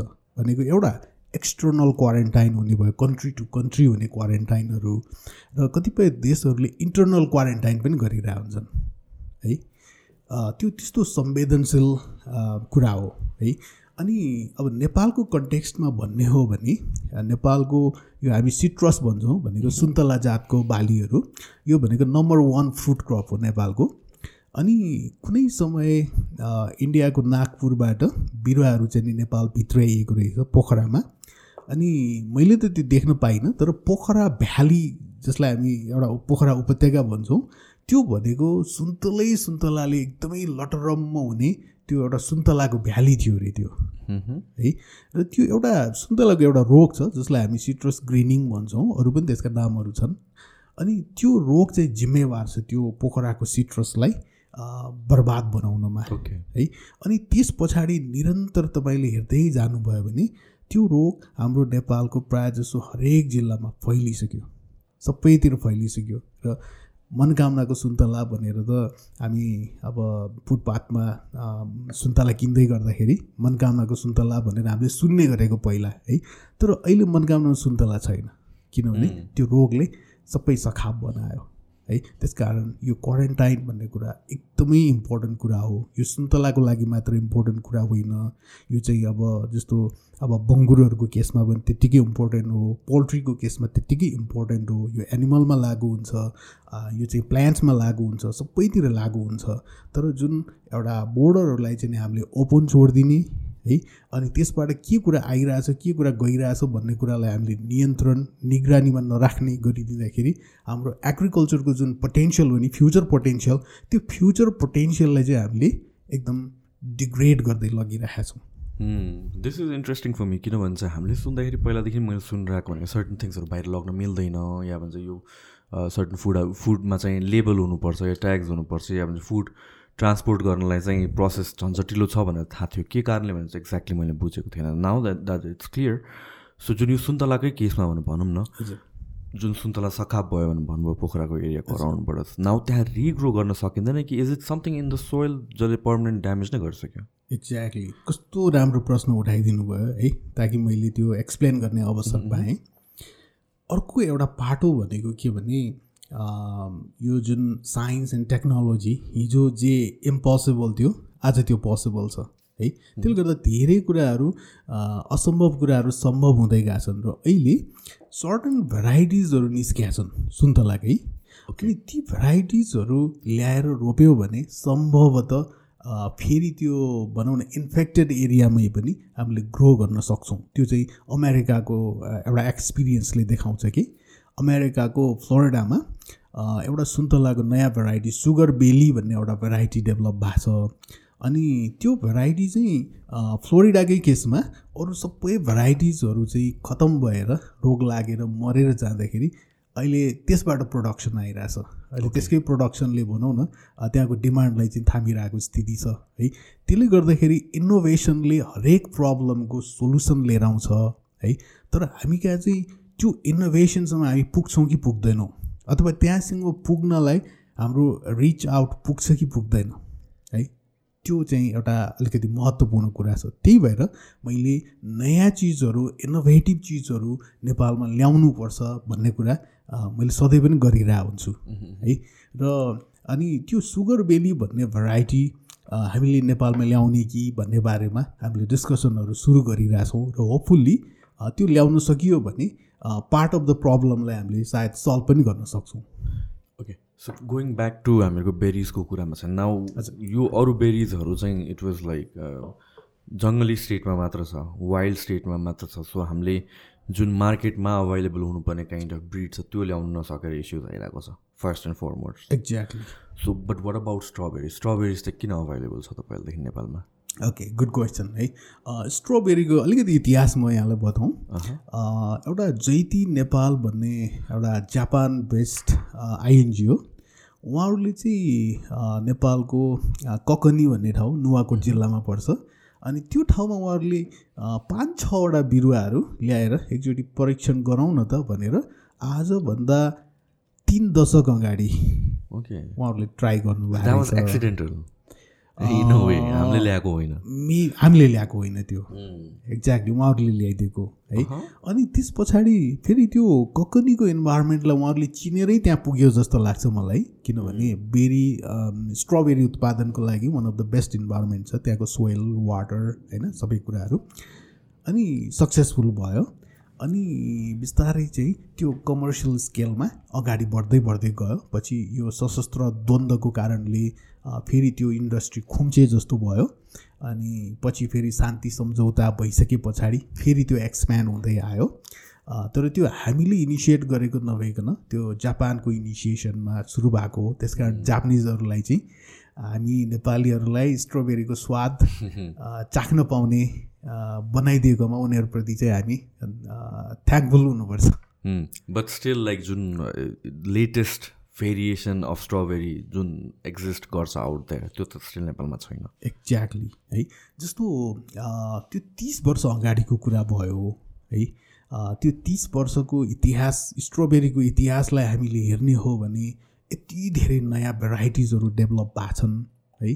अनि अर्को कुरा के भने स्ट्रबेरी जापानिजहरूले ल्याएर छोडिदिनु भयो अनि त्योबाट चाहिँ किसानहरूले फ्रुट उत्पादन गर्यो अनि फेरि त्यहीबाट बिरुवा निकाल्यो फेरि फ्रुट उत्पादन गर्यो। त्यो साइकल है।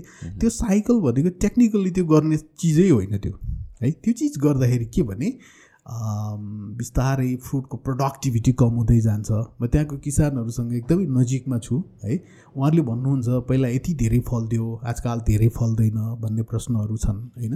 अनि त्यस पछाडि अब डिजिजहरू होइन? अनि किराहरूको समस्याहरू छन् होइन? अनि अर्को कुरा पुरानो भेराइटी त्यो चाहिँ मलाई याद भएसम्म त्यो नाइन्टिन एटिजतिरको भेराइटी हो। है धेरै पुरानो भेराइटी हो है? जस्तो भनौँ न यो फोनको कुरा गर्ने हो भने हामी सानो बच्चा हुँदाखेरि हामीसँग ल्यान्डलाइन फोन मात्रै थियो है? अहिले त स्मार्टफोनहरू आयो नि होइन? अब ल्यान्डलाइन फोनलाई हामी बोकेर हिँड्न त सम्भव छैन नि त होइन? अहिले स्मार्टफोनको जमानामा हामी ल्यान्डलाइनले काम चलाउन सक्छौँ त? सकौँला तर हामी इफिसियन्ट हुन सक्दैनौँ। है। भने जस्तै अब एउटा गभर्मेन्टको clear policy clear guideline clear vision बिना कगनीको किसानहरूले उहाँहरूले त्यही बिरुवाहरूबाट निरन्तर उत्पादन लिनुभयो जति आयो त्यति लिनुभयो। किनभने उहाँहरूलाई विकल्पहरू दिया छैन है। अनि उहाँले जे गर्न सक्नुहुन्छ त्यही गरिरहनु भएको छ र काठमाडौँलाई भनौँ नेपाललाई नै मिठो स्ट्रबेरी चाहिँ चखाइ चाहिँ रहनु भएको छ। है। तर के भने यदि हामीले त्यसलाई एउटा प्लान्ड वेमा होइन अगाडि लान सक्ने हो भने उहाँहरूले भनौँ न इकोनोमिक बेनिफिट होइन फार हायर लिन सक्नुहुन्थ्यो। तिस वर्षको दौरानमा यो इन्डस्ट्री यही काठमाडौँमा मात्र सीमित नभएर यो चाहिँ सायद मिडल इस्टतिर पुगिसक्यो हुन सक्थ्यो होला। है। तर त्यो चाहिँ एउटा भनौँ न भिजन भनौँ त्यसलाई अथवा पोलिसी भनौँ अथवा त्यसलाई ड्रिम भनौँ होइन।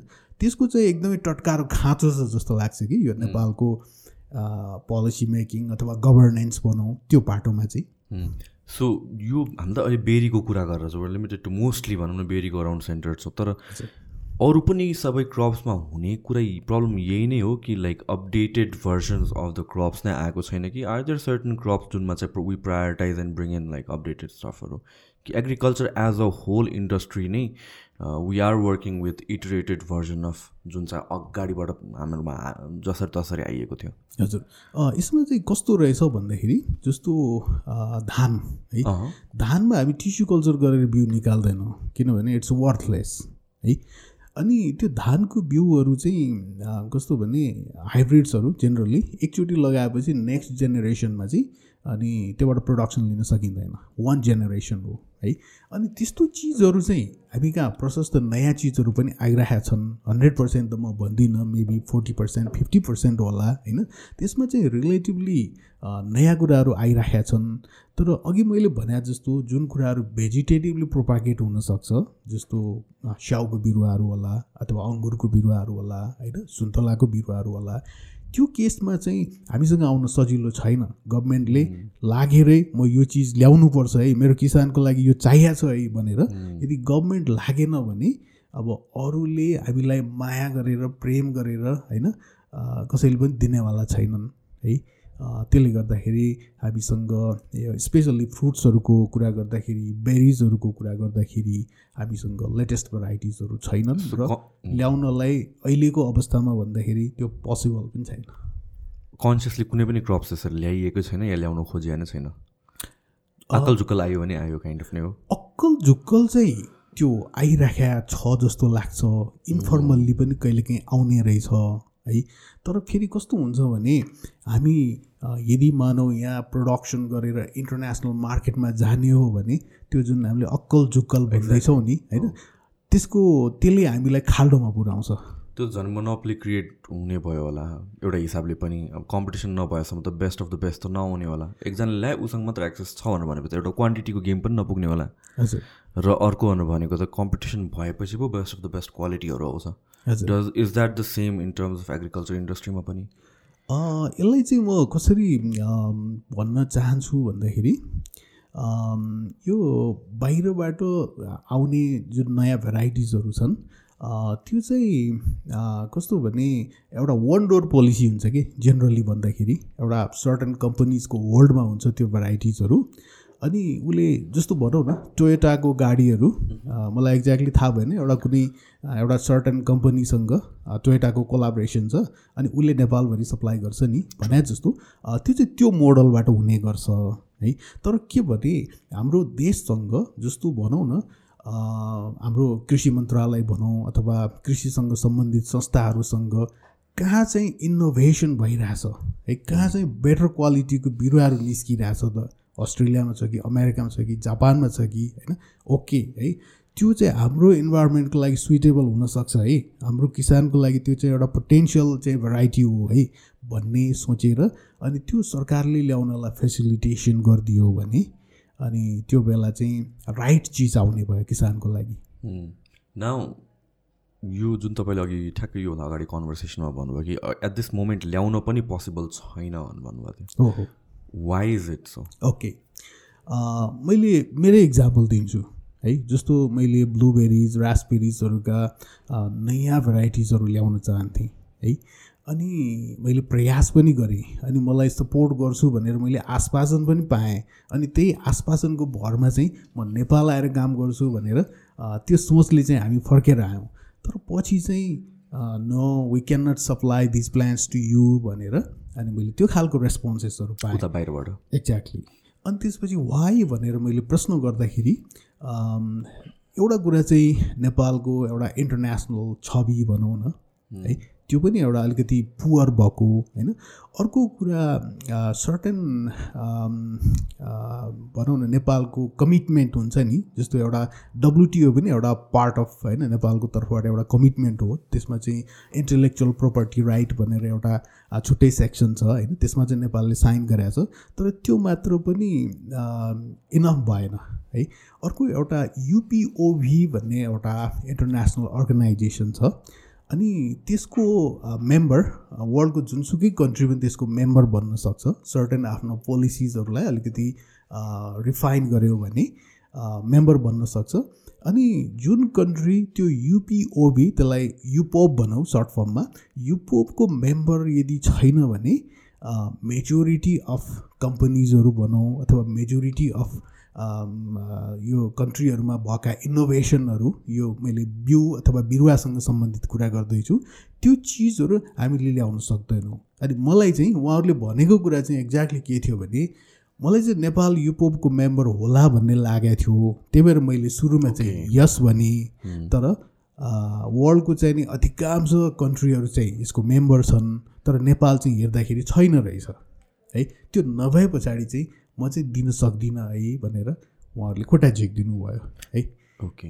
अनि त्यस पछाडि चाहिँ हामीले ओके अब यो नयाँ चिजहरू होइन त्यो डेफिनेटली त्यो चाहिँ नि भनौँ न मोर पोटेन्सियल छन् ती भेराइटिजहरू तर त्यो ल्याउनु पाइएन भने अब के गर्ने त? पुरानो त ल्याउनु पऱ्यो कम्तीमा नेपालीहरूलाई नेपालमा ब्लुबेरी रासबेरीहरू पनि फल्छ है होइन? खानु पाइन्छ है होइन? भनेर देखाउन त पाइयो नि त। अनि त्यो हिसाबले मैले चाहिँ पुरानो भेराइटिजहरू जस्तो स्ट्रबेरीको केसमा चाहिँ हामी अलिकति स्ट्रङ भयौँ है? त्यसमा चाहिँ हामीले लेटेस्ट भेराइटिजहरू पनि ल्याइरहेका छौँ है? तर अरू बेरिजहरूको हकमा चाहिँ ल्याउन सकिएन पोसिबल भएन।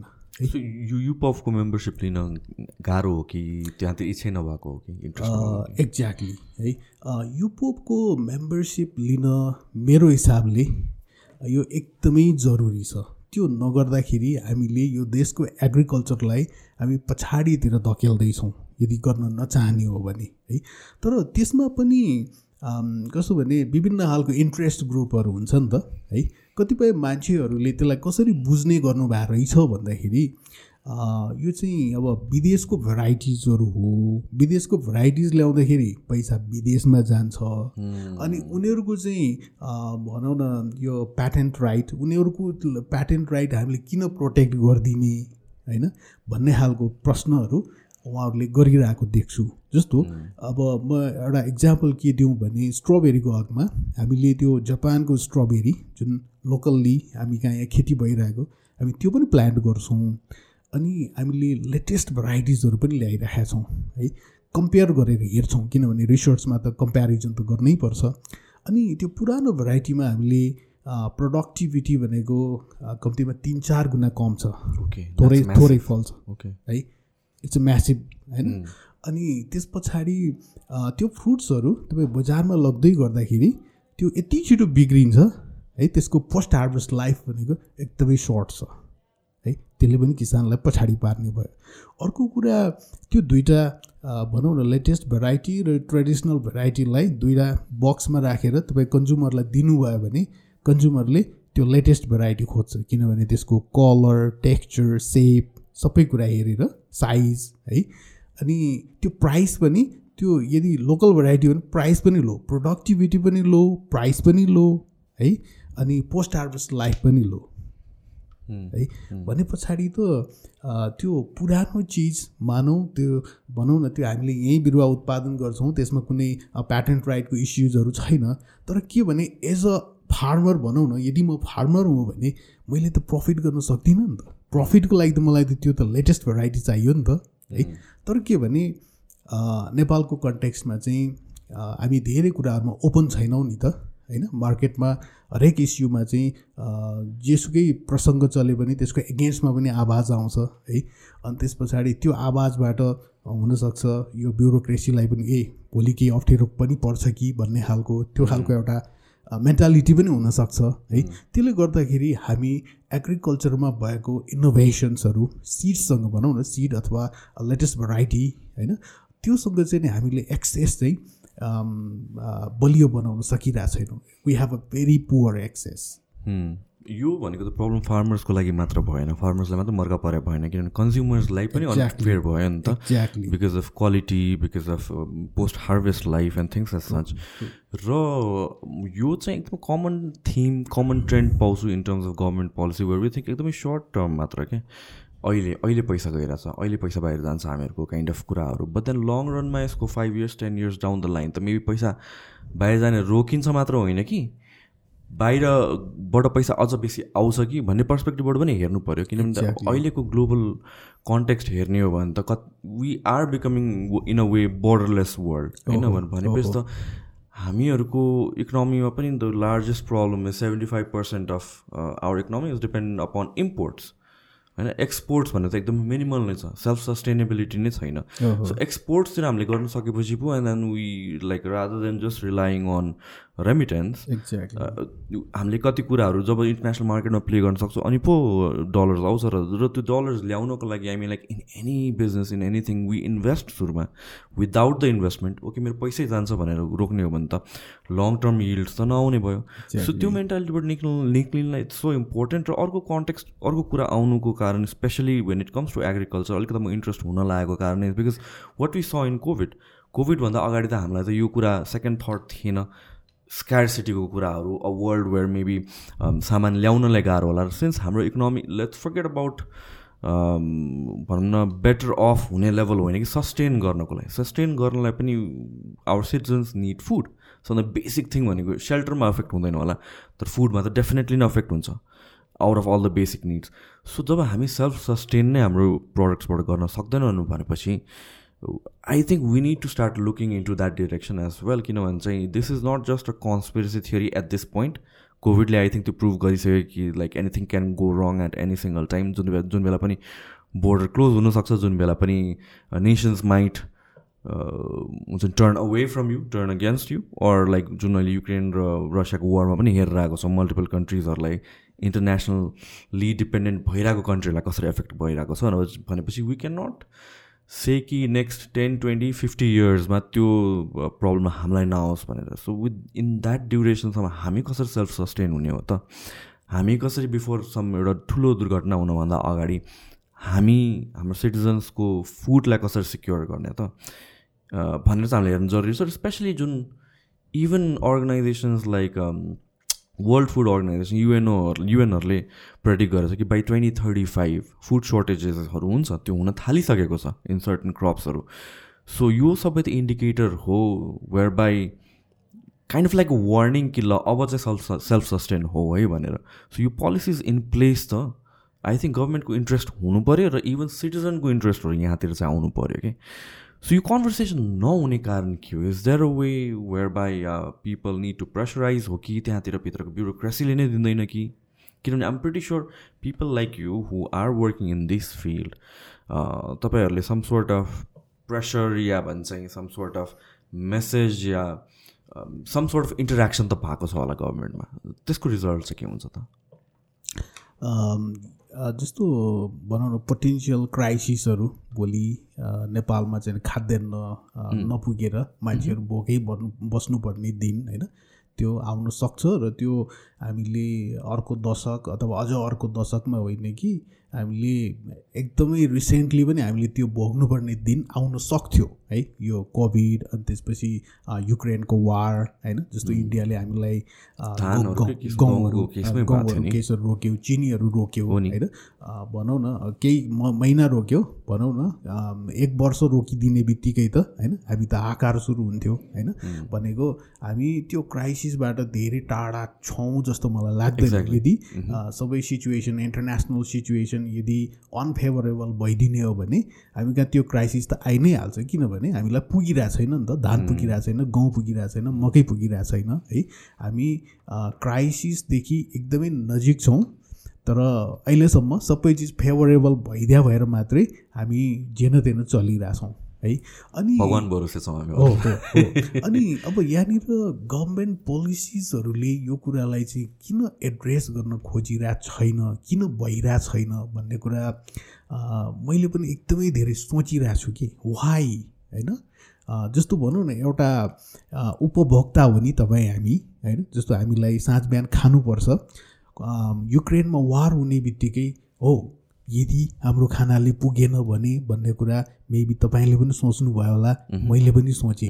होइन मलाई त त्यो बेलामा बरु अलिकति ल्यान्डहरू काहीँ खाली छ बारी छ भने त्यहाँ पनि केही फलाउँ है भन्ने खालको त्यो खालको एउटा मोटिभेसन आयो। आई थिङ्क यो जसले चाहिँ राम्ररी बुझेको छ उनीहरूलाई यो डर छ कि just like most of the पपुलेसनले चाहिँ त्यो पर्सपेक्टिभ सोचेन छैन कि या भन्छ they don't want to believe in a possibility जहाँ चाहिँ त्यो द्याट एक्जिस्ट राइट तर त्यो त अब त्यो त्यो त इमेजिनेसन मात्र होइन त्यो त भइ नै रहेको छ। विथ सेन कन्ट्री स्ट्रगलिङ अब जस्तो कि युएन हामी जेमा पनि युएन युएन कोड गर्छ। युएनले नै भन्छ कि by twenty thirty five global food crisis हुन्छ भनेर भनेपछि जहाँ मी एज अ कन्ट्री जसले चाहिँ मेबी सप्लाई गरिरहेको छ अरू कन्ट्रिजलाई मलाई नै क्राइसिस पाउँदाखेरि त म त सप्लाई गर्दिनँ। And it has nothing to do with इन्डियाले नेपालमा सप्लाई गरेन भन्दैमा त्यो उसले पनि आफ्नो मान्छेको बारेमा हेर्छ नि त। आफ्नो मान्छेलाई फर्स्ट प्रायोरिटी राख्छ सो सेल्फ सस्टेनेबिलिटीको पर्सपेक्टिभमा I feel like it's an emergency in our country हो हो हो एक्ज्याक्टली अनि त्यो बारेमा चाहिँ हामी अलिकति नसोचिकन रिलक्टेन्ट भएर मानौँ केही पनि यहाँ भइरहेको छैन जस्तो गरेर हामी किन चलिरहेछौँ भन्ने प्रश्न एउटा धेरै इम्पोर्टेन्ट प्रश्न हो राइट नाउ होइन? अनि अर्को कुरा त के भने हामी ल्यान्ड कन्ट्री हौँ है। इन्डियासँग एउटा राम्रो रिलेसन भएन भने वी आर लक्ड है। त्यसले पनि हामीलाई सेल्फ सफिसियन्सीमा जानलाई एकदमै धेरै प्रेरित गर्नुपर्ने हो है। तर यो किन भइरहेको छैन भन्ने सन्दर्भमा मलाई के लाग्छ भने म फेरि अघिकै कुरामा आउँछु। हामीले राम्रो भिजन सेट गरेनौँ।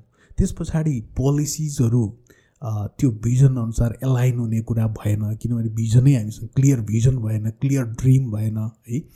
अनि त्यस पछाडि जुन पोलिसी इम्प्लिमेन्टेसनमा अथवा प्रोग्रामहरू हामीले डेभलप गरिरहेछौँ ती पनि चुस्त प्रोग्रामहरू भएनन् है। अनि त्यसले गर्दाखेरि गभर्मेन्टले विभिन्न प्रोग्रामहरू मार्फत कतिपय लक्ष्यहरू राख्यो है। तर कुनै पनि फुलफिल भएन। जस्तो एउटा एग्रिकल्चरमा एग्रिकल्चर पर्सपेक्टिभ प्लान भनेर बिस वर्ष लामो एउटा ठुलो प्रोजेक्ट थियो है। त्यो प्रोजेक्टमा चाहिँ मल चाहिँ हामीले इनफ क्वान्टिटीमा मल सप्लाई गर्ने होइन। भनेको अहिले जति प्रयोग भएको छ त्योभन्दा सेभरल टाइम्स चाहिँ मलको युजलाई बढाएर अनि प्रोडक्टिभिटी बढाउने भन्ने खालका उद्देश्यहरू थिए अनि मलको सप्लाई नै भइदिएन। एक्ज्याक्टली सो यो यो चाहिँ हुनु कारण के हो किनभने एभ्री इयर यो इस्यु आउँछ। किनभने एउटा इस्यु ल यो इयर आयो भने नेक्स्ट इयर कसरी मिटिगेट गर्नेतिर लाग्छौँ होला नि त? वाइ इज इट यो फर्टिलाइजरको इस्यु एभ्री इयर आउँछ टाइममा नआउने? हो। अब त्यो त मलाई जहाँसम्म लाग्छ हामी कहाँ कमिटमेन्ट है जस्तो हिजो जुन राउटबाट हामी हिँडेका थियौँ त्यो राउटबाट हिँड्दाखेरि हामी डेस्टिनेसनमा पुगेनौँ होइन बिचमै अड्किनु पऱ्यो भने हरेक वर्ष त्यही बाटो हिँडेर त भएन नि त है? हामी फरक बाटो हिँड्नु पर्ला होइन? अहिले गभर्मेन्टको यो फर्टिलाइजरहरू इम्पोर्ट गर्ने सवालमा एउटा दुईवटा बडीहरू भनौँ न होइन? जस्तो कृषि सामग्री होइन? साल ट्रेडिङ भने जस्तो त्यो बाट चाहिँ इम्पोर्ट गरिरहेको स्थिति छ है? बरु त्यसलाई प्राइभेट सेक्टरलाई दियो भने होइन? जस्तो लाखौँ टनमा चाहिँ हामीले इम्पोर्ट गर्नुपर्छ होइन? तपाईँ एकजनालाई दिनुहुन्छ अनि त्यो लाखौँ टन भनेको त त्यो त धेरै ठुलो भारी हो। त्यो भारी त हामी बिसजनालाई दियो भने त बिसजनाले आफ्नै ठाउँमा आफ्नै तरिकाले ल्याउँथ्यो होला नि त है? त्यसले गर्दा कसैले छिटो ल्याउँथ्यो होला हामी रोप्ने बेलामा प्रयोग गर्थ्यौँ। कसैले चाहिँ पछि दोस्रो डोज दिने बेलामा ल्याउँथ्यो होला है? तर के भने हामी एउटै डोरबाट हिँडिरहेछौँ र एउटै बाटो हिँडिरहेछौँ हरेक वर्ष। अनि जसले गर्दाखेरि कहिले पनि हामीले गर्न चाहेको चिजहरू हुनु पोसिबल भएको छैन। अनि अर्को कुरा के भने मैले देखेको कुरा चाहिँ हरेक जति पनि समस्याहरू छन् त्यसको समाधान भनेको विज्ञानबाट खोजिनुपर्छ। कृषि भनेको विज्ञान हो है? र यसलाई चाहिँ नि अरू तरिकाले खोज्यौँ भने हामीले त्यसको समाधान पाउँदैनौँ है? र अनि विज्ञानसँगको हाम्रो रिलेसन भनौँ अथवा इनोभेसनसँगको हाम्रो लगाव भनौँ अथवा दुईवटा कुरा हुनसक्छ कि। एउटा कुरा कि त हामी आफैले इनोभेट गर्नु पऱ्यो यदि हामी आफैले इनोभेट गर्न सक्दैनौँ भने हामीले कहीँबाट ल्याएर भए पनि प्रयोग गर्नु पऱ्यो जस्तो कम्प्युटर त हामी आफै बनाउँदैनौँ नि तर के भने कम्प्युटर हामी कहीँबाट इम्पोर्ट गर्छौँ तर त्यसलाई मजाले युज गर्छौँ ताकि हाम्रो बिजनेसमा होला अथवा हरेक ठाउँमा होला होइन? त्यसबाट हामी फाइदा लिन सक्छौँ है? त्यसकारण हाम्रो कृषिको क्षेत्रमा त्यो इनोभेसनसँग सरकारले पहुँच राख्नुपर्छ है? र हामी इनोभेसन बिनै चलिरहेछौँ। यसलाई अर्को शब्दमा भन्नुपर्दाखेरि रिसर्च है? अनुसन्धान।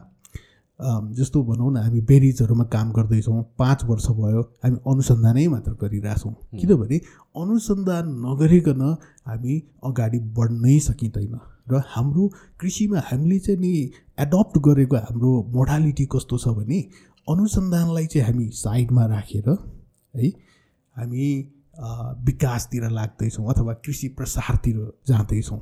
है त्यसको एउटा कस्ट भनेको के हुन्छ भने एउटा उदाहरण चाहिँ किवीको उदाहरण दिउँ। अघि पनि मैले भने हामीसँग फल छ है। हामीसँग मलाई लाग्छ मेचीदेखि कालीसम्मै त्यो पहाडी बेल्टमा किवीहरू चाहिँ किसानहरूले लगाइरहनु भएको छ है। अनि किवीको प्राइस चाहिँ किसानहरूले maybe around hundred rupees per KG पाउनुहुन्छ होला। र किवीको एउटा क्यापिटल भनेको वर्ल्डकै क्यापिटल। न्युजिल्यान्ड हो। न्युजिल्यान्डको एउटा सानो पकेट छ। त्यो पकेटमा वर्ल्डको अलमोस्ट सिक्सटी सेभेन्टी पर्सेन्टभन्दा धेरै किवी उत्पादन हुन्छ है।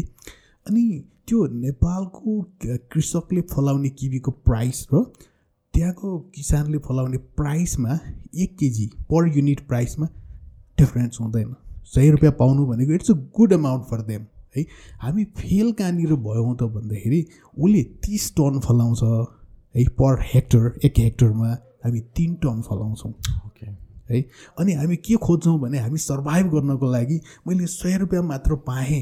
मैले प्रिभियस इयरमा चाहिँ मैले पाँच सय रुपियाँ पाथेँ चार सय रुपियाँ तिन सय रुपियाँ पाथेँ। यसपालि त सय मात्र पऱ्यो भनेर हामी टाउकोमा हात लगाउँदैछौँ। है हामी फेल कहाँ भयौँ भन्दाखेरि त्यो तिन टन फलिरहेछ नि तिन टनलाई हामी सुरुको पाँच दुई चार वर्षमा हामी पाँच टनमा पुर्याउने होला। आठ टनमा पुर्याउने होला दस टनमा पुर्याउने होला। ठिक छ हामी तिस टन पुर्याउन नसकौँला फर मेनी रिजन्स तर आठ नौ टन त फलाउन सकिन्थ्यो नि त। है हामी त्यहाँनिर फेल भइरहेछौँ। त्यसलाई अर्को शब्दमा भन्नुपर्दाखेरि हामी त्यो इनोभेसनमा फेल भइरहेछौँ। है। प्रोडक्टिभिटीको कुरा आउँछ एक्ज्याक्टली है अब कुरा जोडेर ल्याउँदाखेरि त्यो बिरुवामा हामी फेल भएको छौँ। हामीले अघि निकै बेर चर्चा गऱ्यौँ नि हो। त्यो हामी बिरुवामा फेल भएको छौँ अनि त्यस पछाडि हामीले प्रविधिमा फेल भएको छौँ होइन? जुन प्रविधि सँग चाहिँ न्युजिल्यान्डको किसानको एक्सेस छ है? हामीसँग त्यो छैन है? अनि एउटा अर्को एउटा पार्ट हो मैले यहाँनिर के जोड्न चाहन्छु भन्दाखेरि हाम्रो यो टेक्निसियनहरूको अथवा हाम्रो यो कृषिको जुन संरचनाहरू छन् मन्त्रालय विभाग अरू थुप्रै संरचनाहरू छन् त्यो मातहतका त्यहाँभित्रको यो टेक्निसियनहरूको ह्युमन रिसोर्स छ नि ह्युमन रिसोर्सलाई हाम्रो सिस्टमले मिसयुज गरिरहेछ। है? र एउटा कुरा फेरि के जोड्न चाहन्छु भने एग्रिकल्चर टेक्निसियन त्यो पढ्नलाई इन्ट्रान्स पास गर्नुपर्छ। हजारौँजना भिडेको ठाउँबाट सर्टन केही हन्ड्रेडजनाले होइन अनि इन्ट्रान्समा चाहिँ नाम निकाल्नुहुन्छ होइन अनि त्यस पछाडि जस्तो गभर्मेन्ट सिस्टममा छिर्ने हो भने फेरि अर्को लोकसेवाको इक्जाम हुन्छ होइन ती सबै स्क्रिनिङहरू तपाईँ भनौँ न पार गर्दै गर्दै जानुपर्छ होइन they all are very cream people हाम्रो सोसाइटीको ट्यालेन्टेड मध्येका मान्छेहरू त्यसमा कुनै पनि डाउट छैन र हामीले भनौँ न वर्ल्ड वाइड सिनारीमा हेर्ने हो भने उहाँहरू नेपालमा पढेर अथवा नेपालमा काम गरिसकेर अनि वर्ल्डको जुनसुकै कुनामा गएर पनि उहाँहरूले एक्सलेन्ट रिजल्टहरू दिइरहनु भएको छ। उहाँहरूको एकम्प्लिसमेन्ट भनौँ न एकदमै राम्रो देख्न सकिन्छ। तर हाम्रो जुन सिस्टम छ हाम्रो सिस्टमले यस्तरी मिसयुज गरिरहेछ कि मलाई हेर्दा हेर्दा चाहिँ कस्तो लाग्छ भने यो सिस्टमको कारणले भनौँ न त्यो एउटा क्रिम भनौँ न मान्छेहरूबाट पनि केही रिजल्ट आउँदैन कि भने जस्तो त्यो खालको एउटा फिलिङ चाहिँ मलाई भइरहेछ कि। जस्तो यो कुरालाई अलिकति म एक्सप्लेन कसरी गरौँ भने जस्तो गभर्मेन्टभित्र छिरिसके पछाडि जस्तो एउटा टेक्निसियन भनौँ कफीको अफिसर बनेर अथवा एउटा कफीको प्रोग्राममा ऊ छिर्यो है। अनि दुई वर्षपछि उसको सरुवा हुन्छ ऊ अलैँचीमा जान्छ। है? अनि त्यसपछि ऊ अदुवामा जान्छ। अनि त्यसपछि अर्को दुई वर्ष ऊ चाहिँ आँपमा जान्छ। अनि त्यसपछि उसलाई मुस्ताङ पठाइन्छ र ऊ स्याउ हेर भनेर भनिन्छ। है? यो भनेको कस्तो भने म एउटा एनालोजी चाहिँ यहाँ के गर्न चाहन्छु भने जस्तो भनौँ यो चिकित्सकहरू हुन्छ नि भगवान् कोइराला भनौँ उहाँ चाहिँ मुटुको चिकित्सक हुनुहुन्छ धेरै राम्रो हुनुहुन्छ तर मानव मेरो हड्डीको समस्या छ के म उहाँसँग जान सक्छु त? सक्दिनँ नि। हड्डीको लागि उहाँ राम्रो डक्टर होइन है? र उहाँलाई स्पेसिफिकल्ली तिमी मुटु मात्रै हेर है? तिम्रो काम मुटुको हो भनेर भन्दा उहाँले चाहिँ जिन्दगीभर उहाँको लर्निङ एभ्री डे हरेक लर्निङहरू एड हुँदै जान्छ सिकाइ हुँदै जान्छ है? हामी कहाँ के गरिरहेछौँ भने त्यो एक एक वर्षमा हामीले चेन्ज गरिरहेछौँ दुई दुई वर्षमा हामीले चेन्ज गरिरहेछौँ है? त्यो एउटा सरुवा गरिरहेछौँ है? एउटा बाट अर्कोमा। अनि अर्को कुरा के भने बढुवा गर्दाखेरि जस्तो प्रमोसन गर्दाखेरि एउटा हर्टिकल्चरिस्ट जसले अब यो फ्रुट्सहरू भेजिटेबल्सहरू हेर्छ होइन? अनि ऊ चाहिँ किरामा गइरहेछ। अथवा इकोनोमिक्समा गइरहेको एग्री इकोनोमिक्समा गइरहेछ है? भनेपछि उसले अक्वायर गरेको नलेजहरू छ नि त अनि त्यो त युजै भएन नि त है? त्यसले गर्दाखेरि हाम्रो म्यान पावर ह्युमन रिसोर्स भनौँ न म्यान एन्ड वुमेन पावर त्यसले चाहिँ पोटेन्सियल देखाउन सक्दैन जस्तो लाग्छ मलाई। सो यो कन्सटेन्टली स्विच गरिराख्नुको कारण चाहिँ के हो? डिफ्रेन्ट इन्डस्ट्रीहरूमा मैले चाहिँ त्यो कारणै देख्दिनँ। के पनि रिजनै छैन है? तर पनि यो भइरहेको छ। मेबी अलि अगाडिको समयमा जति बेला साइन्स भन्ने कुरा त्यति धेरै थिएन जस्तो मेरो हजुरबाको पालामा जस्तो अब चिकित्सक भनेको को हुन्थ्यो? गाउँको एउटा वैद्य हुन्थ्यो है? त्यो जङ्गलमा पाइने विभिन्न जडीबुटीहरू ल्याएर अनि खान दिन्थ्यो है? एउटा चिकित्सकदेखि एउटा वैद्यदेखि अर्को वैद्यको बिचमा धेरै फरक हुन्थेन। है? तर के भने अहिले साइन्स त यति डेभलप भइसक्यो यति गहिरो भइसक्यो है? स्ट्रबेरीमै पनि गहिरिएर हेर्ने हो भने यो जातलाई गर्नुपर्ने म्यानेजमेन्ट र अर्को जातलाई गर्नुपर्ने म्यानेजमेन्ट नै फरक छ है? भनेपछि त्यो एउटा स्ट्रबेरी मात्रै म स्ट्रबेरीको विज्ञ हुँ भन्नै गाह्रो भइसक्यो। स्ट्रबेरीभित्र पनि तपाईँ म यो क्षेत्र हेर्छु है भन्ने बेलामा हामीले चाहिँ त्यो पुरै फिल्ड चेन्ज गर्दैछौँ भनेको यो कृषिभित्र भएका विभिन्न विधाहरू छन् नि त। किराहरू होला रोग होला होइन? जस्तो एउटा रोग चाहिँ रोगमा पन्ध्र वर्ष काम गरिरहेको एउटा विज्ञ भोलि त्यो चाहिँ बाटोमा चाहिँ सरुवा भएर अथवा माटोमा बडुवा भएर गयो भने तपाईँले त्यसलाई अन्यथा नलिए हुन्छ। यस्ता इक्जाम्पलहरू धेरै छन्। हायर लेभलको लिडर्सहरूमा पनि मैले त्यो देखिरहेको छु है? अनि त्यसले गर्दाखेरि हाम्रो ह्युमन रिसोर्सको कन्फिडेन्स हाम्रो ह्युमन रिसोर्सको चाहिँ नि क्यापेबिलिटी त्यो सबै कुरालाई चाहिँ नि डिस्ट्रोय गर्ने काम गरिरहेछ। Now coming back to a very important topic भनेर फर्टिलाइजरहरूको कुरा आउँछ globally there is a prize of organic organic भनेर भन्छ फर्टिलाइजर युज नगरौँ भनेर भन्छ। म personally I believe like that is not kind of very practical त्यो पोसिबल छैन होला इफ फर्टिलाइजर नै युज नगर्ने भने चाहिँ मेबी पपुलेसनलाई झन् फुड पुग्दैन होला जस्तो लाग्छ। तर अगेन कन्सर्न्स आउँछ उठाउने मान्छेहरूले like the is effect the quality of the food र हेल्थ अफ द कन्ज्युमर्स भन्ने कुराहरू आउँछ। So how practical is it like फर्टिलाइजरको केसमा र फर्टिलाइजरको केसमा पनि इनोभेसन भएको छ कि छैन? इन अ सेन्स द्याट जुन कन्सर्न्स छ सेफ्टी र हेल्थको कन्सर्न्सहरू त्यसलाई मिटिकेट गर्ने गरिकन। एक्ज्याक्टली जस्तो भनौँ न यो अर्ग्यानिकको कुराहरू एकदम चर्चामा आइरहन्छ होइन? अर्ग्यानिक भन्ने कुरा अब यति पपुलर वर्ड भयो कि तपाईँले केही बोल्नुभयो भने पनि वा कस्तो अर्ग्यानिक विचार रहेछ तपाईँको भनेर होइन? यो सबैतिर युज हुन थाल्यो होइन? अनि हुँदा हुँदा यो युज मात्र होइन एकदम धेरै मिसयुज पनि भयो जस्तो लाग्छ यो शब्दावली नि है? अनि अब हाम्रो नेपालको केसमा भन्दाखेरि यो अर्ग्यानिक भन्ने कुरा एउटै मोस्ट स्ट्रङ फ्याक्टर जसले अर्ग्यानिकमा हामी जाने कि नजाने भनेर डिटरमाइन गर्नलाई हेल्प गर्ने एउटै फ्याक्टर भनेको मार्केट हो। Does your market wants organic products है त्यो मेजर क्वेसन हो। र नेपालको मार्केटमा अर्ग्यानिक प्रडक्टहरूको डिमान्ड चाहिँ एकदमै न्यून छ।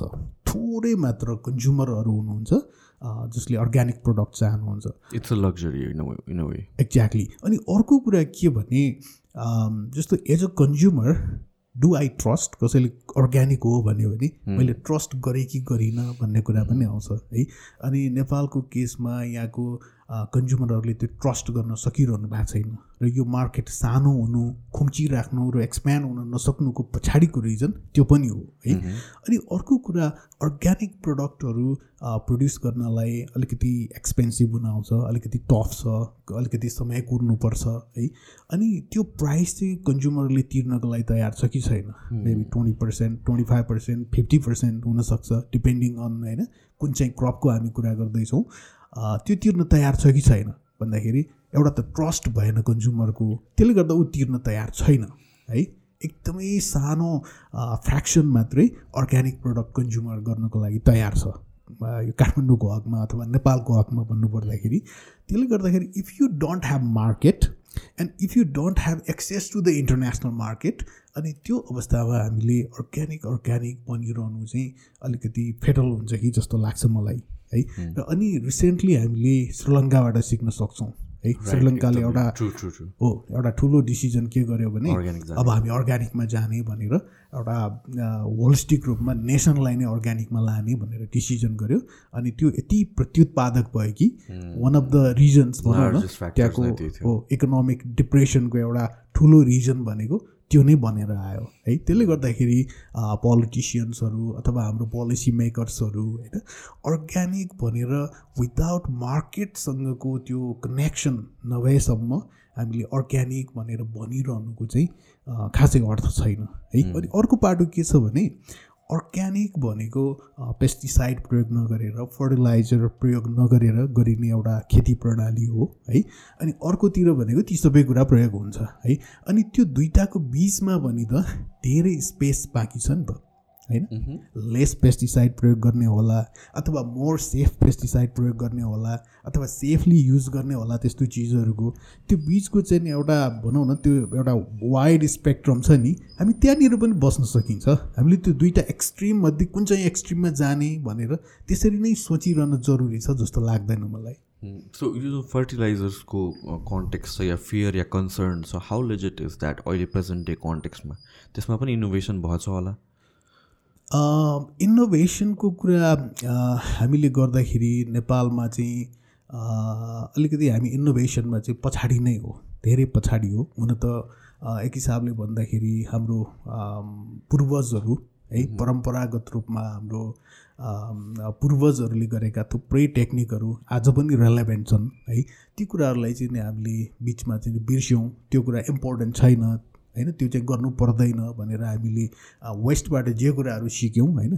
त्यो कुरा नै ध्रुव सत्य हो भन्ने तरिकाले हामीले हामीलाई पढाइयो हामीलाई सिकाइयो हामीले त्यसलाई नै सत्य कुरा मान्दै आयौँ। तर यही भएका हाम्रै संस्कारमा भएका हाम्रै वेदमा भएका होइन?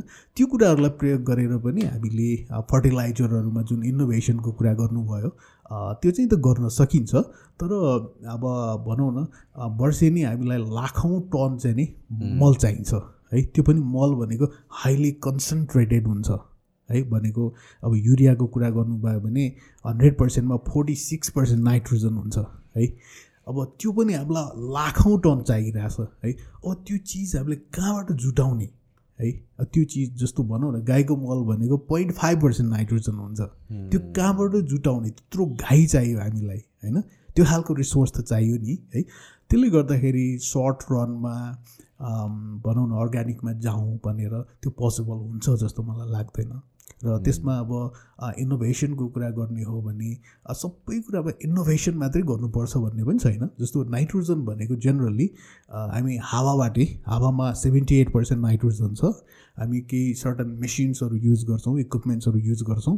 अनि त्यो हावामा भएको नाइट्रोजनलाई हामी युरियामा कन्भर्ट गर्ने हो। त्यसमा फ्युलहरू चाहियो सर्टेन कुराहरू चाहिए होइन?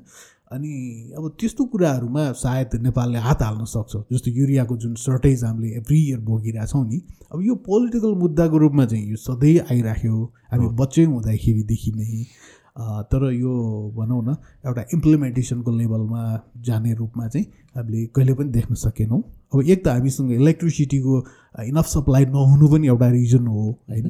तर इलेक्ट्रिसिटीमा पनि अब अलिकति हामी थोरै सरप्लसमा जाने स्थिति पनि भइरहेछ है? युरियाको हकमा हामीले त्यो कुरा सोच्न सक्छौँ। अनि जहाँसम्म फस्फोरस र पोट्यासियमको कुरा छ त्यो चाहिँ हामीलाई रिजर्भ नै चाहिन्छ कि है? भनेको हाम्रो देशको कुनै कुनामा यदि फस्फोरस र पोट्यासियमको माइन्सहरू रिजर्भ्सहरू छ भने त्यहाँबाट हामी माइनिङ गरेर निकाल्न सक्छौँ। तर यदि छैन भने चाहिँ यो कहाँ चाहिँ छ?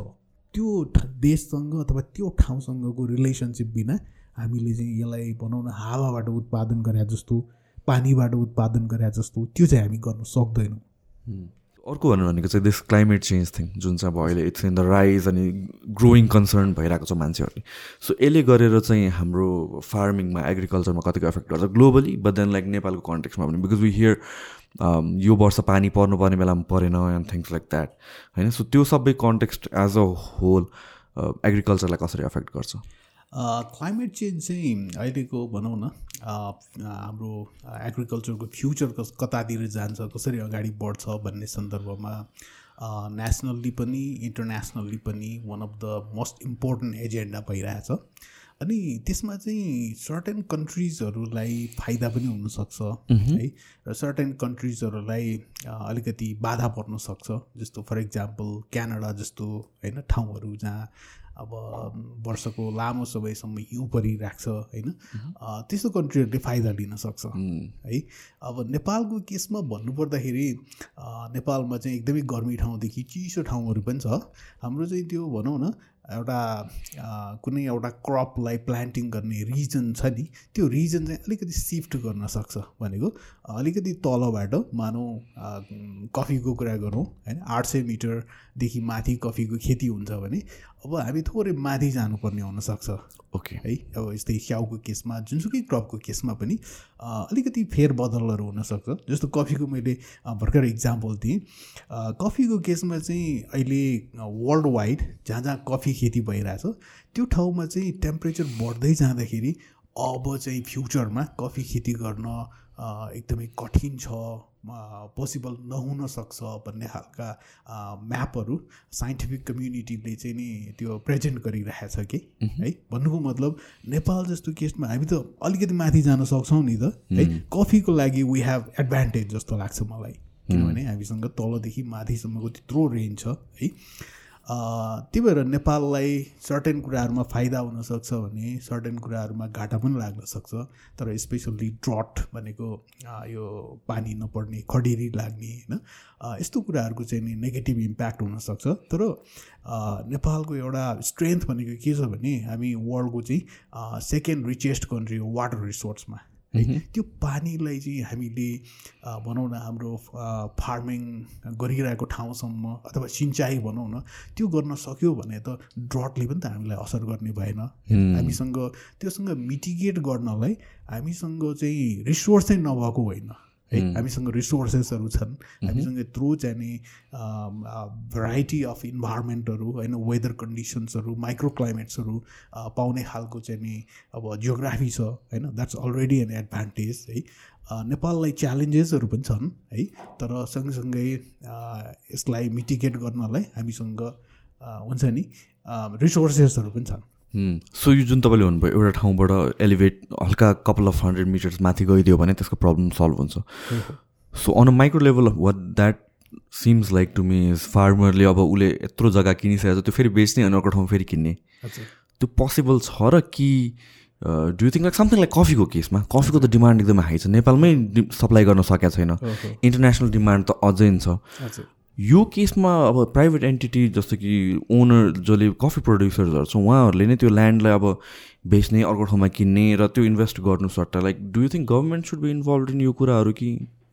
एक्ज्याक्टली जस्तो भनौँ न नेपालको हकमा मैले एउटा कफी फार्म मानौँ। नेपालको कुनै एउटा जिल्लामा एबिसिडी होइन? अ, कुनै एउटा जिल्लामा गर्न चाहेँ भने land is a first thing that I have to consider होइन अनि ल्यान्डको केसमा चाहिँ अ, अब अरू कन्ट्रीहरू कतिपय ठाउँहरूमा मैले देखेको है त्यहाँ चाहिँ ल्यान्ड एक त एकदमै धेरै ल्यान्डहरू एभाइलेबल छ है।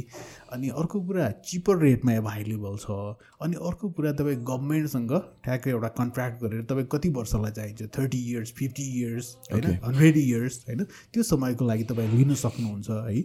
अनि हामी कहाँ चाहिँ कस्तो भइदियो भने चार रुपियाँ पाँच रुपियाँ ल्यान्डहरू होइन? त्यो खालको चाहिँ नि अब धेरै फार्मर्सहरू छ हामी कहाँ है। अनि त्यस पछाडि मानौँ मैले पाँच सय रोपनी यदि जग्गा किन्न चाहेँ भने पनि इट्स सो कम्प्लिकेटेड. है? किनभने गभर्मेन्टले त्यसलाई चाहिँ त्यति फेसिलिटेट गरिरहेको छैन कि है? त्यसले गर्दा इट्स कम्प्लिकेटेड है? फेसिलिटेट नगर्नुको कारण के? त्यो झन् राम्रो होइन र? गर्नु चाहिँ राम्रो हो तर त्यो गभर्मेन्टले गर्नको लागि पनि एउटा क्लियर पोलिसी चाहियो। ओके सो हाम्रो whole game is were stuck on policies exactly exactly र तपाईँले भन्नुभयो अहिले भनेको हामीले धेरै कुरा बरु अहिले जुन हामीले भनौँ न प्रोग्राम्सहरू रन गरिरहेछौँ नि हामीले एक वर्षको लागि स्टप गरिदिउँ केही फरक पर्दैन। तर यस्तो पोलिसी बनाऊ जुन पोलिसीमा टेकेर हामी भविष्यमा एग्रिकल्चरलाई चाहिँ अपलिफ्ट गर्न सकियोस्। त्यो खालको पोलिसी बनाउनु पर्ने जरुरी छ। र म भनौँ न एज अ विज्ञ भनौँ होइन जसमा विज्ञानको क्षेत्रमा काम गर्दैछु सँगसँगै म एउटा अन्टरप्रेनियर पनि हो किनभने हामीले कस्तो मोडलमा काम गर्छौँ भने यो बेरिजहरूमा हामी रिसर्च गर्छौँ यो बेरिजहरूलाई सेल गर्छौँ मार्केटमा अनि त्यहाँबाट रेभिन्यू जेनेरेट हुन्छ त्यसैलाई हामी रिसर्चमा इन्भेस्ट गर्छौँ हामी त्यो मोडलबाट चलिरहेछौँ कि। अनि त्यसले गर्दाखेरि भनौँ न यो इकोसिस्टम बिजनेस एग्रिकल्चर अन्टरप्रिनियरसिपको इकोसिस्टमलाई केही हदसम्म चाहिँ मैले नजिकबाट बुझेको छु कि भन्ने लाग्छ है। र अनि यहाँ हुन्छ नि जस्तो यो अन्टरप्रिनियरसिपको एउटा जर्नीमा हर्डल्सहरू के के छन् भनेर एकचोटि एनालिसिस गऱ्यो भने धेरै हर्डल्सहरू छन् है। मानौ म अर्को कुनै एउटा सेकेन्ड कन्ट्री थर्ड कन्ट्रीमा गएर काम गरेको भए यी हर्डल्सहरू मैले फेस गर्नु पर्थेन। है। धेरै हर्डल्सहरू छन् तर ती हर्डल्सहरूलाई मैले भनौँ न क्याटेगोराइज गरेँ भने ती पोलिसीसँग रिलेटेड हर्डल्सहरू छन्। है र हाम्रो पोलिसीले यहाँ नेपालमा उत्पादन नगर भन्छ। क्लियरली भन्छ। क्लियरली भन्नाले डाइरेक्टली त भन्दैन तर त्यसको सार चाहिँ तपाईँ निकाल्दै निकाल्दै जानुभयो भने त्यो नै भन्छ। अनि त्यसपछि अर्को पोलिसीसँगै जोडिने अर्को एउटा पाटो के छ भने पोलिसी इम्प्लिमेन्टेसनको है। इम्प्लिमेन्टेसनको पाटोले त्यो जुन नेपालमा खेती नगरौँ उत्पादन नगरौँ होइन यसमा उत्पादित वस्तुहरूको प्रोसेसिङ नगरौँ भन्ने कुरालाई अझ स्ट्रेन्थन गर्छ। हुँ, त्यसले गर्दाखेरि मेरो चाहिँ बुझाइ चाहिँ कस्तो छ भने हाम्रो पोलिसिजहरू प्रोडक्सनको एगेन्स्टमा छन् र इम्प्लिमेन्टेसन यति फितलो छ कि त्यसले गर्दाखेरि यहाँ प्रोडक्सनलाई अगाडि लैजानको लागि अलिकति हर्डल्सहरू देखिरहेको छु। र अहिले सम्भवतः हामी भनौँ न एउटा गभर्नेन्सको हिसाबले हामी एउटा एकदमै लो स्टेजमा छौँ। है यहाँ चाहिँ भनौँ न इन्फर्मल खालको ट्रेडिङहरू होइन व्यापक रूपमा भइदिने अनि जुन साइन्सको हामी होइन जस्तो साइन्स भन्दाखेरि बायोसिक्युरिटीको कुराहरू गऱ्यौँ त्यो कुराहरू त गभर्मेन्टले त गर्नै पर्यो नि। यहाँको किसानलाई प्रोटेक्ट गर्नको लागि है। त्यो कुराहरूमा हामी एकदमै फितलो भएर हातखुट्टा छोडिदिइरहेको जस्तो अवस्था छ है। अनि त्यो अवस्थाबाट किसानलाई गुज्रिनु पऱ्यो भने यी सबै समस्यासँग आफै एक्लैले ट्याकल गर्नु पऱ्यो है। वर इज द गभर्मेन्ट भन्ने कुरा अहिले सबै किसानहरूले चाहिँ नि फेस गरिरहेको फिल गरिरहेको चाहिँ इस्यु हो। त्यसमा चाहिँ गभर्मेन्टले फर्स्ट थिङ चाहिँ पोलिसी पोलिसी पनि प्राइभेट सेक्टरलाई किसानहरूलाई सेन्टरमा राखेर है अनि उनीहरूका हर्डल्सहरू के छन् त्यो कुराहरूलाई चाहिँ पहिला फिगर आउट गरेर अनि त्यसलाई कसरी सोल्युसन गर्ने सल्भ गर्ने अनि त्यस पछाडि इनोभेसनसँग हामी कसरी जोडिने हो? विदाउट इनोभेसन त के पनि हुँदैन। विदाउट रिसर्च विदाउट इनोभेसन केही हुन्छ के पनि हुँदैन। है। हामीले चाहिँ कस्तो भने मलाई एनालिसिस गर्दाखेरि के लाग्छ भने यो रिसर्च र अनि त्यो रिसर्चबाट आउने जुन नतिजाहरू छन् त्यसलाई चाहिँ हामी कृषिको भाषामा भन्दा कृषि प्रसार एक्सटेन्सन भन्छौँ। यो रिसर्च र एक्सटेन्सन कसरी अगाडि बढ्नुपर्छ भने रिसर्च भनेको डोजर हो है बुलडोजर हो जसले बाटोलाई खन्छ अथवा बाटोलाई क्लियर गराउँछ।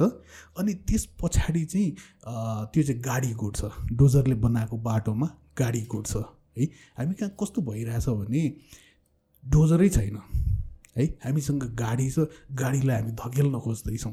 है। ढुङ्गा छन् मुढा छन् खाल्डा छन् है हामी धकेल्दैछौँ। एकछिन गुड्या जस्तो लाग्छ है अनि रोकिन्छ।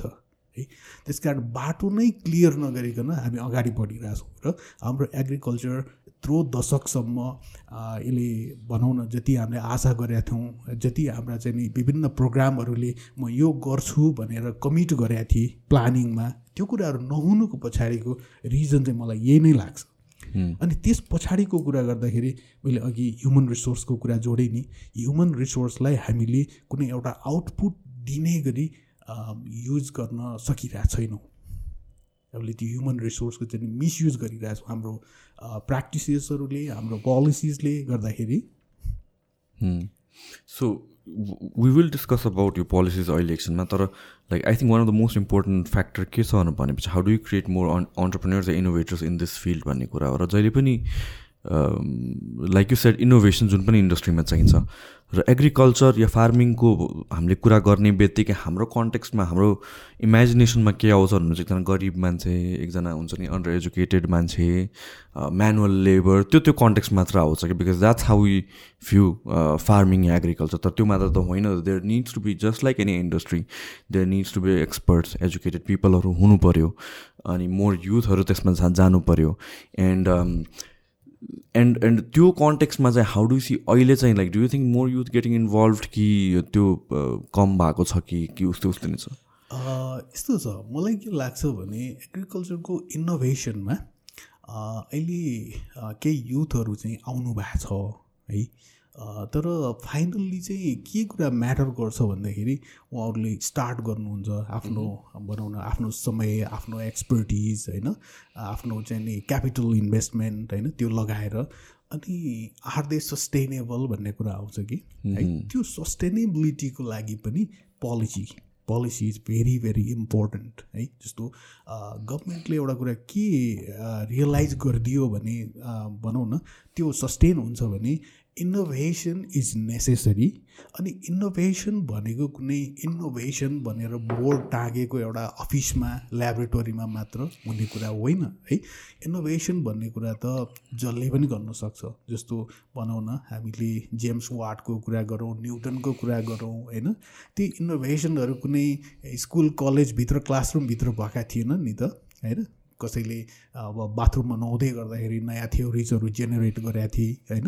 कसैले चाहिँ स्याउको बोर्डको तल बसेर होइन? बस्दै गर्दाखेरि न्युटनले ओ त्यो स्याउ किन खस्यो? भनेर सोच्दै गर्दाखेरि होइन? यो इनोभेसन जसले पनि गर्न सक्छ।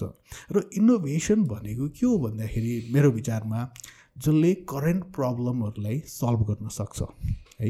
र इनोभेसनको लागि ठुलो ल्याबोरेटोरी चाहिन्छ नासा जस्तो ठुलो इन्स्टिट्युसन चाहिन्छ भन्ने पनि होइन।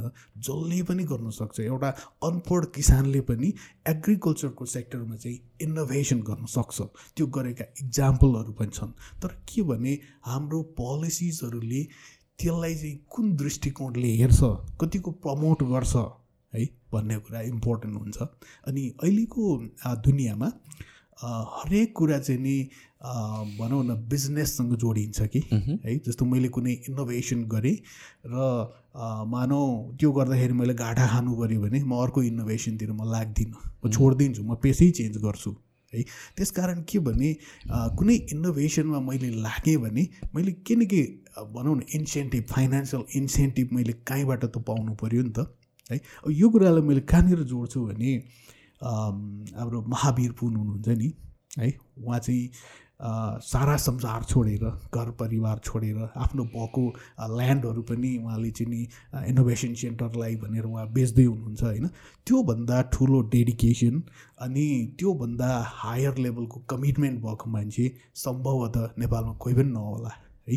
तर पनि उहाँको इनोभेसन सेन्टर आज कसरी चल्दैछ भने कतारमा होइन खाडी मुलुकहरूमा अथवा अमेरिका अस्ट्रेलिया होला त्यहाँ जा जाँदै गरेको मान्छेहरूले पाँच हजार दस हजार रुपियाँ बिस हजार रुपियाँ दिएर हाम्रो इनोभेसन चल्दैछ है।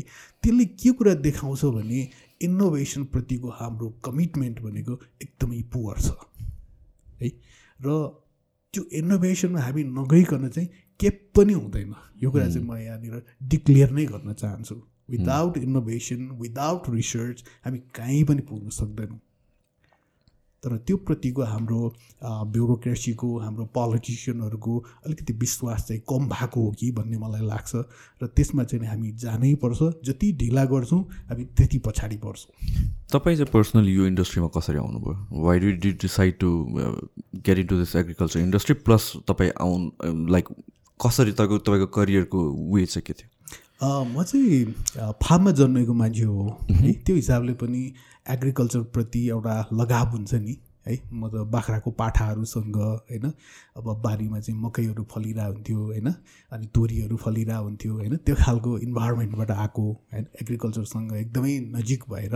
अनि पछि मेरो पढाइको भनौँ न सम्पूर्ण त्यो एग्रिकल्चरमै भयो कि। मैले आइएससी इन एग्रिकल्चर पढेँ। Bachelor in agriculture master PhD होइन? सबै कुरा मैले एग्रिकल्चरमा गरेँ है?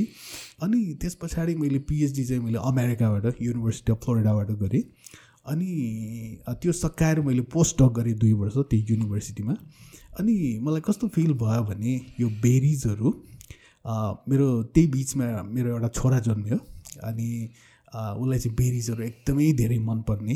अनि त्यसले गर्दा हामी एभ्री विकेन्डमा बेरिज फार्महरू कहाँ छ भनेर खोज्दै जाने अनि ऊ पनि जाने अनि सँगै टिप्ने खाने होइन? अनि त्यो एउटा भनौँ न एकदमै मेमोरेबल क्षणहरू थिए कि ती। अनि यसो सोचेँ नेपालमा त छैन नि त बेरिजहरू। है। जस्तो ब्लुबेरिजहरू त्यति बेला त छँदै थिएन होइन? रासबेरी ब्ल्याकबेरीहरू तीहरू थिएनन्। अनि बेरिजहरू चाहिँ सुपर फुड पनि मानिन्छ हाइली न्युट्रिसियस कुराहरू। अनि एउटा नेपालीको बच्चा काठमाडौँमा हुर्किरहेको एउटा सानो बच्चा उसले ब्लुबेरी खानु पऱ्यो भने होइन? उसलाई त त्यो अवसर त छैन नि त। अनि कस्तो लाग्यो भने मैले अमेरिकामा काम गर्नुभन्दा नेपालमा गएर काम गर्दाखेरि चाहिँ त्यसबाट आउने एउटा सेटिस्फ्याक्सन है त्यो चाहिँ अलिकति हायर हुन्छ है। त्यस कारण चाहिँ हामी नेपालमै जानुपर्छ भनेर अनि त्यो सोच बनायौँ। अनि त्यस पछाडि त्यहाँ प्रोफेसरहरूसँग त्यो सम्बन्धित विषयको जस्तो बेरीकै प्रोफेसरहरूसँग मैले कुराहरू गर्दाखेरि देवर भेरी सपोर्टिभ है। अनि त्यस पछाडि मलाई चाहिँ एकदमै रमाइलो लाग्यो कि नेपाल आउने भन्ने कुरा सुन्दाखेरि होइन। अनि एकदमै खुसी लाग्यो। अनि त्यो अघि मैले यहाँलाई बताइसकेँ त्यो भनौँ न नेपालमै त्यो बिरुवाहरू उत्पादन गर्नको लागि त्यो एउटा लाइसेन्स पनि हामीले उतैबाट आउँदाखेरि लिएर आयौँ। त्यो कुराले चाहिँ एकदमै धेरै उमङ्ग छाइरहेको थियो है।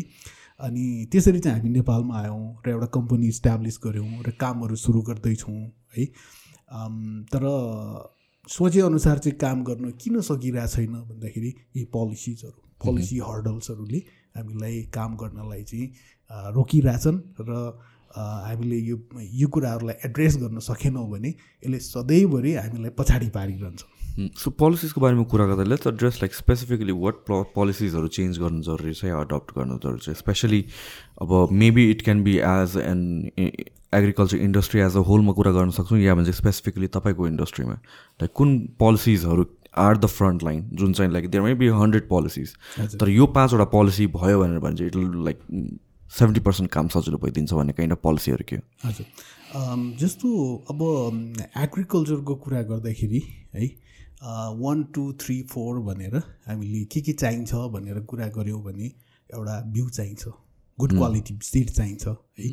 अर्को चाहिँ त्यस पछाडि पेस्टिसाइड्सहरू चाहिन्छन् है। त्यस पछाडि चाहिँ अब मेबी मार्केटहरू चाहिन्छन् होइन। वान टू थ्रीमा अनि अर्को फर्टिलाइजर चाहिन्छ है। यो चारवटा कुरालाई सेन्टरमा रहेर म यहाँको प्रश्नको जवाफ दिँदैछु है। अब बिउको कुरा गर्नुभयो भने मैले यहाँलाई बताइ नै हालेँ। जुन प्लान्ट्सहरू मैले खेती गर्न चाहन्छु I have no access to them म ल्याउन सक्दिनँ। म फेल भइसकेँ है।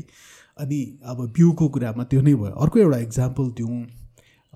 क्याप्सिकम त्यो बेल पेपर जुन कलरफुल होइन यल्लो अथवा रेड कलरको क्याप्सिकम हुन्छ।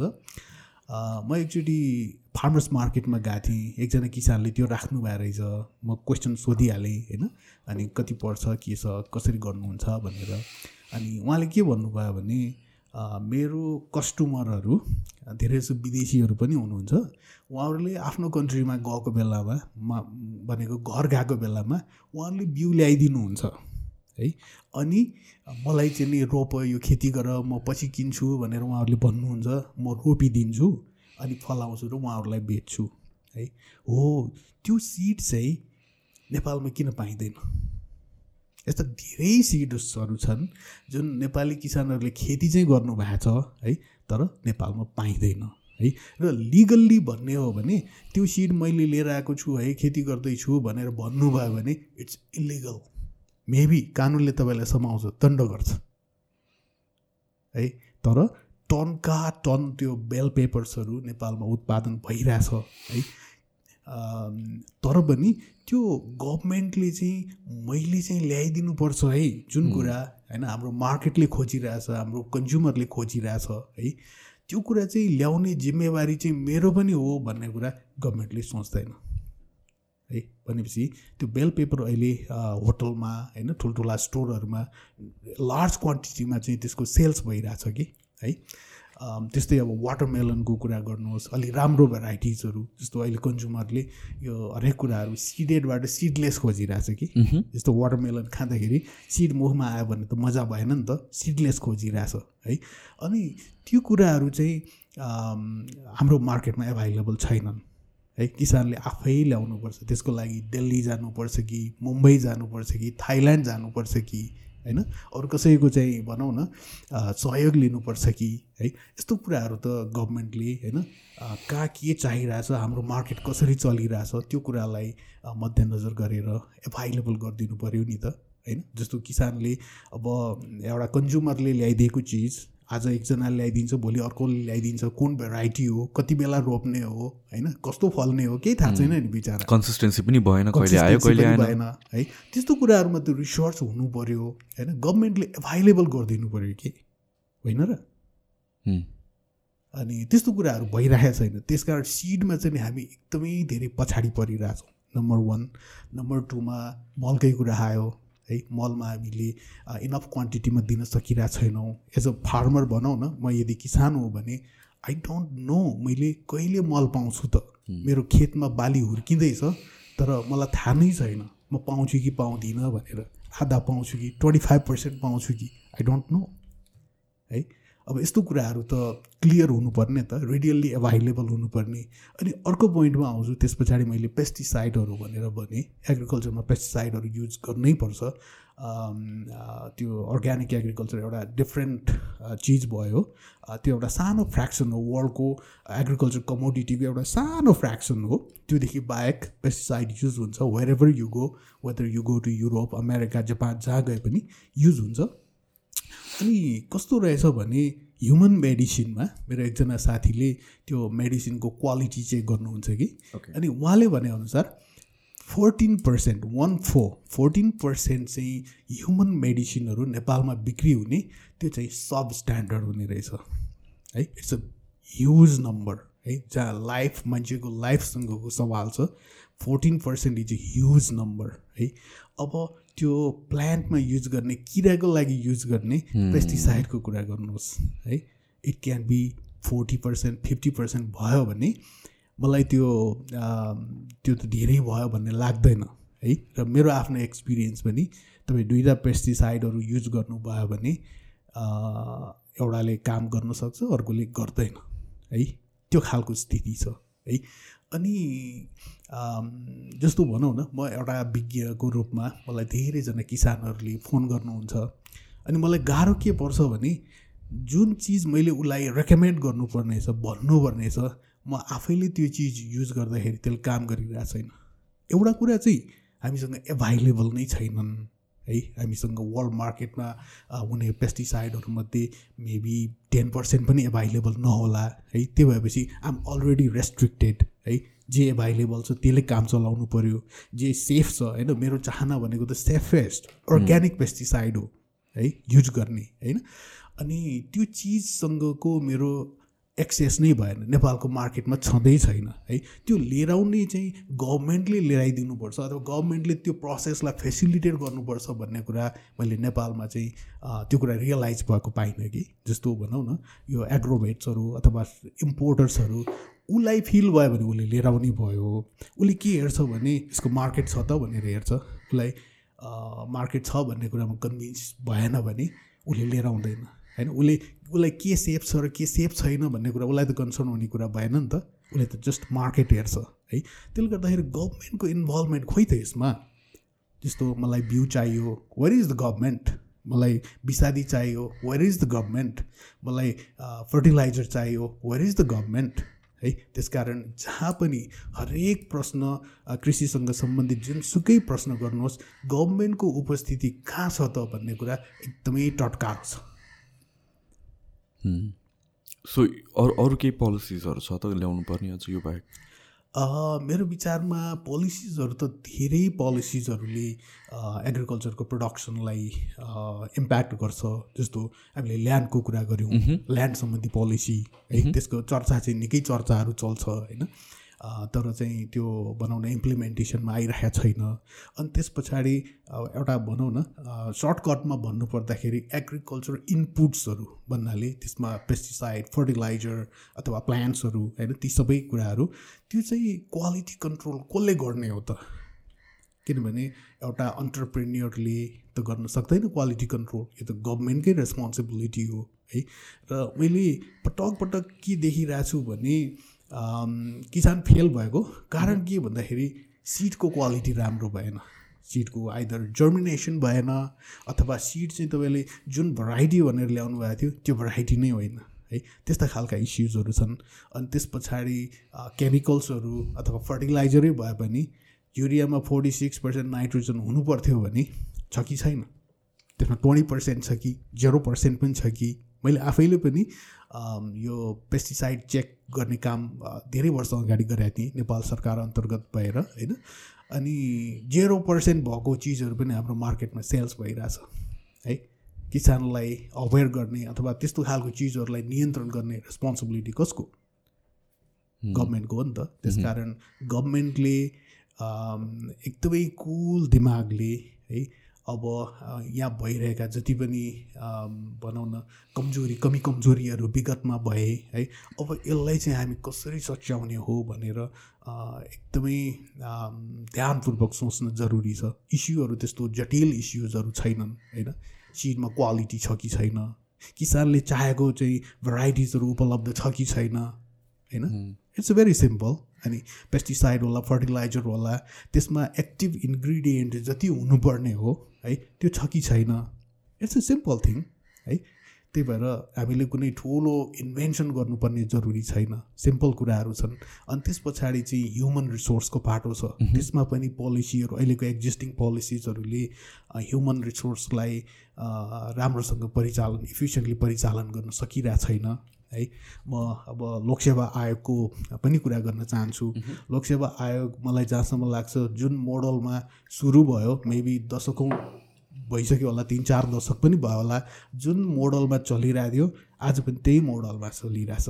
संसार कति धेरै फरक भइसक्यो होइन? हामीले यसो एउटा अमेरिका अथवा युरोपमा भनौँ न एउटा भ्याकेन्सी एनाउ एनाउन्समेन्ट यसो हेऱ्यो भने पनि वा उनीहरूको भनौँ न उनीहरू कस्तो मान्छे रिक्वायरमेन्ट्सहरू कस्तो छ भन्ने कुरा हेऱ्यो भने पनि हामीलाई धेरै भिजन दिन्छ त्यसले है? हामी चाहिँ त्यो लिखितौँ है। थ्योरेटिकल कुराहरू मजाले लेख्ने तपाईँसँग गुड एक्सप्रेसिङ क्वालिटी क्यापेसिटी छ भने तपाईँ नाम निकालिदिनुहुन्छ होइन? इट डजन्ट म्याटर तपाईँ भोलि गएर काम गर्न सक्छ कि सक्दैन भन्ने कुरासँग सरकार भएन है? तपाईँको लिडरसिप क्वालिटी होइन? एउटा भनौँ न सक्सेसफुल लिडर अथवा सक्सेसफुल इम्प्लोइ हुनको लागि चाहिने क्वालिटिजहरू धेरै क्वालिटिजहरू छन् है। हामीले चेक गर्ने भनेको राइटिङ स्किल तपाईँ अलिअलि पढेर थ्योरिटिकल कुराहरू पढेर तपाईँले कतिको राम्रो मिठो तरिकाले लेख्न सक्नुभयो है। त्यही मात्र हामीले चेक गरिरहेछौँ। र अर्को एउटा इक्जाम्पल भनौँ न त्यो के दिन चाहन्छु भन्दाखेरि एग्रिकल्चरमा एउटा विद्यार्थी जसले एग्री इकोनोमिक्स है सब्जेक्ट लिएर उसले मास्टर्स गर्यो। Masters is a huge degree है।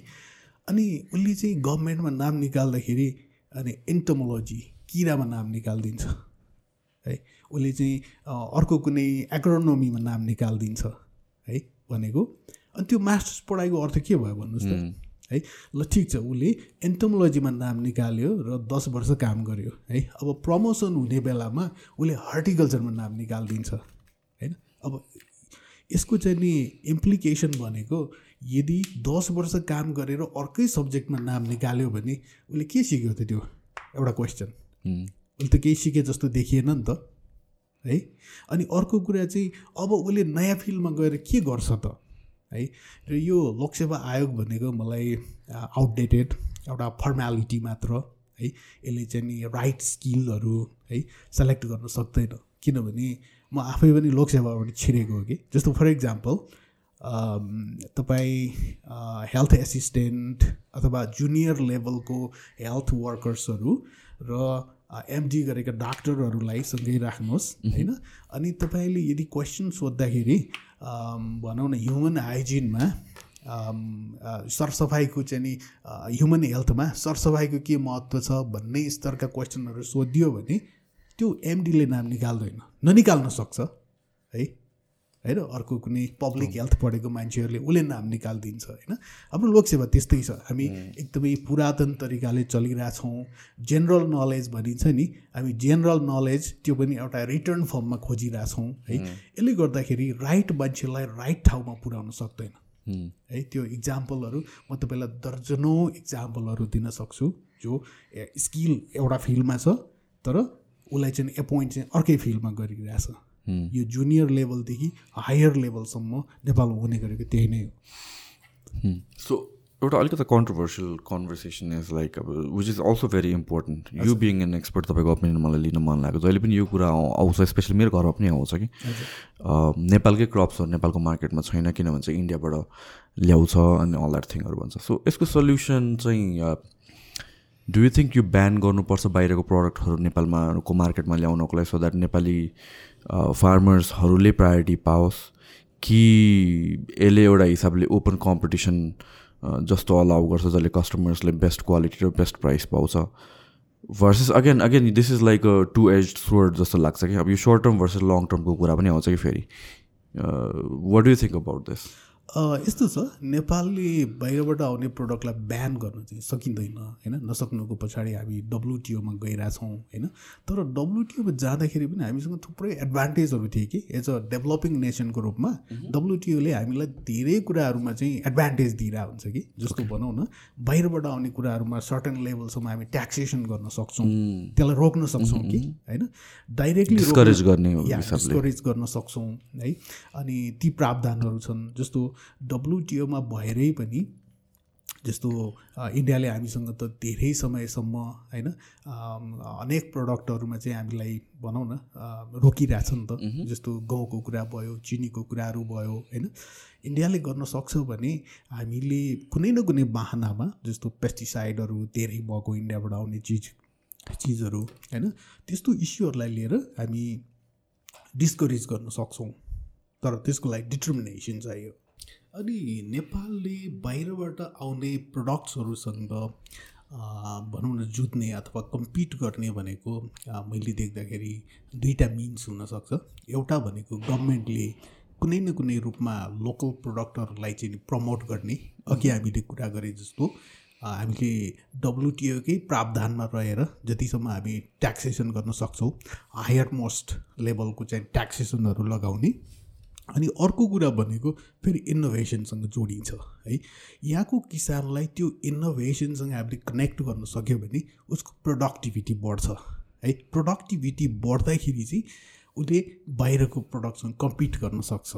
भन्नुको मतलब के भने जस्तो एक हेक्टरमा उसले बिस टन फलाइरहेछ कुनै एउटा तरकारी भनौँ न मानौ उसले तिस टन फलाउन सक्यो भने त उसले पर केजी त सस्तोमा दिन सक्यो नि त। हो। हो सस्तोमा दिन सक्ने बित्तिकै उसले कम्पिट गर्न सक्छ। है हामी कहाँ के भयो भने हामी त्यो इनोभेसनमा फेल भयौँ। हामी एकदमै लो प्रोडक्टिभिटीमा हामीले काम गरिरहेछौँ। अनि फाइनल्ली चाहिँ अनि त्यो प्राइस कमोडिटीको त्यो प्राइस चाहिँ अलिकति हाई भइदिएन भने हामी फेल हुन्छौँ। हाम्रो बिजनेस चाहिँ सस्टेन हुन सक्दैन। है। र जस्तो तपाईँलाई बताउँ गहुँको कुरा गऱ्यो भने दस टन बाह्र टन अरू ठाउँमा फल्छ भने हामीसँग दुई टन तिन टन पनि फल्न गाह्रो छ भनेको। कम्तीमा पनि तिन चार गुणादेखि दस गुणासँग हामी कम छौँ कि प्रोडक्टिभिटीमा पर पर एउटा area of land area of land है। अनि अर्को एउटा इक्जाम्पल चाहिँ म के दिन चाहन्छु भने मानौ म एउटा किसान हुँ अनि म गाई पालेर पैसा कमाउन चाहन्छु है। र सजिलोको लागि मानौ मसँग एउटा गाई छ है। अनि एउटा गाई छ अनि उसले दस लिटर दुध दिन्छ दिनमा। अनि अनि मैले एक लिटर दुधमा चाहिँ पाँच रुपियाँ चाहिँ प्रफिट गर्छु है। त्यो एउटा सेनारियो वान भयो। अनि त्यसको लागि चाहिँ मैले गाईको लागि गोठ बनाउनु पऱ्यो होइन गाई किन्नु पऱ्यो त्यसलाई फिडिङ गर्नु पऱ्यो त्यसलाई चाहिँ हेर्ने मान्छे चाहियो होइन। त्यो एउटा गाईको लागि मैले करिब वार्षिक चाहिँ मेबी तिन लाख रुपियाँ खर्च गर्छु है? र एक दिनमा चाहिँ मैले एक लिटरमा पाँच रुपियाँ कमाउँछु अनि दस लिटर भयो हुनाले पचास रुपियाँ कमाउँछु है? भने मैले अहिले पचास रुपियाँ कमाइरहेको छु पर डे। मानौ म अर्को पचास कमाउनु पऱ्यो भनेको दिनमा सय रुपियाँ कमाउनु पऱ्यो भने मसँग दुईवटा अप्सन हुन्छन्। एउटा अप्सन भनेको गाई थप्ने है? गाई थप्दाखेरि मैले एउटा गाईको लागि तिन लाख खर्च गरेको थिएँ वर्षमा। अब अर्को तिन लाख लिएर आउनु पऱ्यो मैले है छ लाख इन्भेस्टमेन्ट भयो है।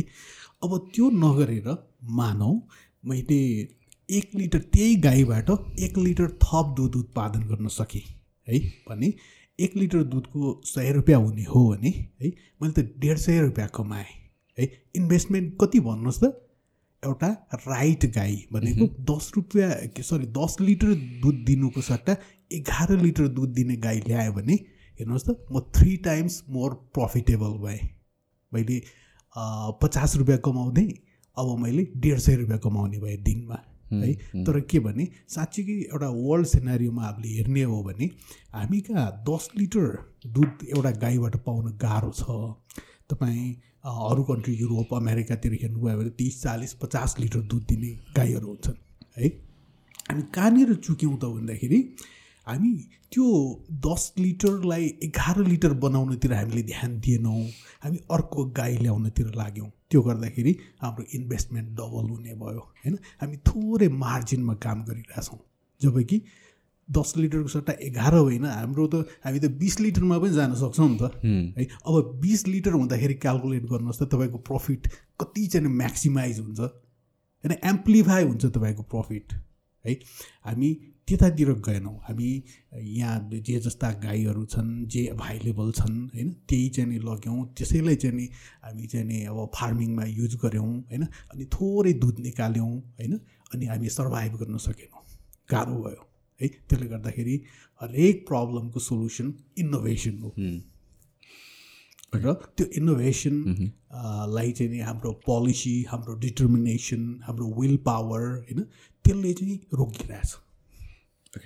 So I think we discuss pretty much majority थिङहरू चाहिँ सो लास्टमा केही एनिथिङ तपाईँलाई केही एड गर्नु मन छ केही छुट्याए जस्तो लाग्यो any any topic that we need to add touch on मलाई लाग्छ हामीले धेरै कुराहरू गरिसक्यौँ होइन? यसमा चाहिँ मैले जस्ट समराइज गर्न चाहन्छु।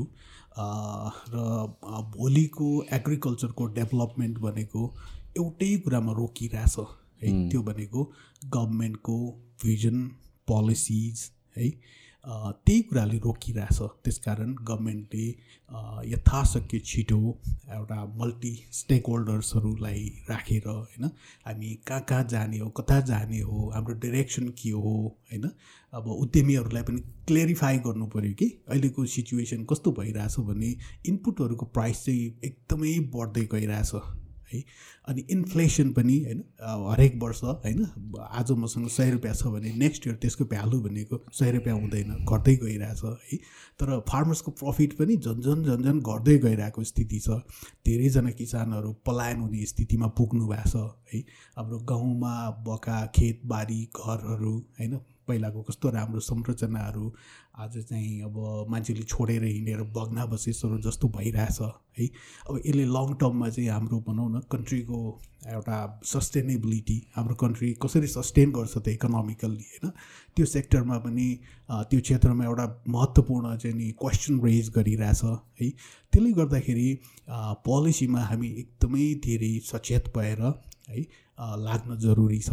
अनि भनौँ न अरू पनि थुप्रै कुराहरू जोडिन्छन् जस्तो गाउँको मान्छेहरूले किन छोड्यो भन्दाखेरि कृषि मात्र छैन त्यसमा अरू कुराहरू छन् इम्प्लोइमेन्ट अपर्च्युनिटिजहरू एजुकेसन हेल्थ है अनि त्यसपछि वाइल्ड लाइफहरूले चाहिँ नि एग्रिकल्चरमा दिएको समस्याहरू है जस्तो बाँदर बँदेल होइन यति ठुलो समस्या भइरहेछ गाउँमा है अनि त्यो कुराहरूलाई छोडिदिएर फेरि हामी एग्रिकल्चरकै मात्र कुरा गरेर पनि हुँदैन। यो अलिकति होलिस्टिक हुनु जरुरी छ है तर यो टाइम भनेको हिजो हामीले के के गल्ती गऱ्यौँ के के गरेनौँ होइन त्यो कुरालाई बिर्सेर हामीले चाहिँ एकदमै अनेस्ट भएर यो देशलाई कसरी जोगाउने होइन? अनि अर्को पाटो के छ भने अहिले पनि हाम्रो जिडिपीको सबैभन्दा स्ट्रङ्गेस्ट पिल्लर भनेको एग्रिकल्चर नै हो है? र यो धराशायी भयो भने देश धराशायी हुन्छ त्यसमा कुनै शङ्कै छैन है? त्यसले गर्दाखेरि हामी अनेस्टली सोचेर पोलिसीहरूलाई रिफर्म गरेर यहाँको प्रोडक्सनलाई इन्हान्स गर्नको लागि इनोभेसनलाई हामी कसरी यहाँ ल्याउने हो कसरी जोडि जोडिने हो इनोभेसनसँग त्यो खालको एउटा क्लियर चाहिँ नि प्रोग्रामहरू हामीले डेभलप गर्न एकदमै जरुरी छ। त्यो गर्न मलाई लाग्छ ढिलै भइसक्यो जस्तो लाग्छ है। अनि अर्को पाटो त अ, के पनि छ भन्दाखेरि हामीले यत्तिकै साइलेन्ट भएर यहाँ यति धेरै च्यालेन्जेसहरू होइन यति धेरै अब डिजास्टरहरू भनौँ न एक हिसाबले होइन भोकमरी भनेको त डिजास्टर हो नि त त्यो आउने प्रबल सम्भावना हाम्रा अखा अगाडि हुँदाहुँदै यी कुराहरूलाई हामी एड्रेस नगरेर बस्यौँ भने त्यो साइलेन्स पनि धेरै कस्टली हुँदैछ। मलाई चाहिँ त्यो लाग्छ होइन। एउटा कुरा हामीले इम्प्लिमेन्ट गरिरहेका प्रोजेक्टहरू जुन इफेक्टिभ भइरहेको छैनन् त्यो एउटा त्यसको एउटा आफ्नो ठाउँमा कस्ट छ। तर त्योभन्दा बढी कस्टली चाहिँ हाम्रो साइलेन्स हुँदैछ कि भन्ने मलाई चाहिँ कता कता डर लाग्दैछ। हस् एभ्री इन्डस्ट्रीमा जुन पनि इन्डस्ट्रीमा देयर निड्स एक्सपर्टिज र इनोभेसन चाहिन्छ र I'm glad like एग्रिकल्चरमा people like you are there जसले चाहिँ who are constantly working on specially इनोभेसनमा ध्यान दिनु सँगैसँगै स्पेसली पोलिसिजहरूको बारेमा चाहिँ कन्भर्सेसन स्टार्ट गरिदिनुको लागि। And I hope this will be resolve soon thank you so much for your presence Thank you so much for inviting me. Awesome.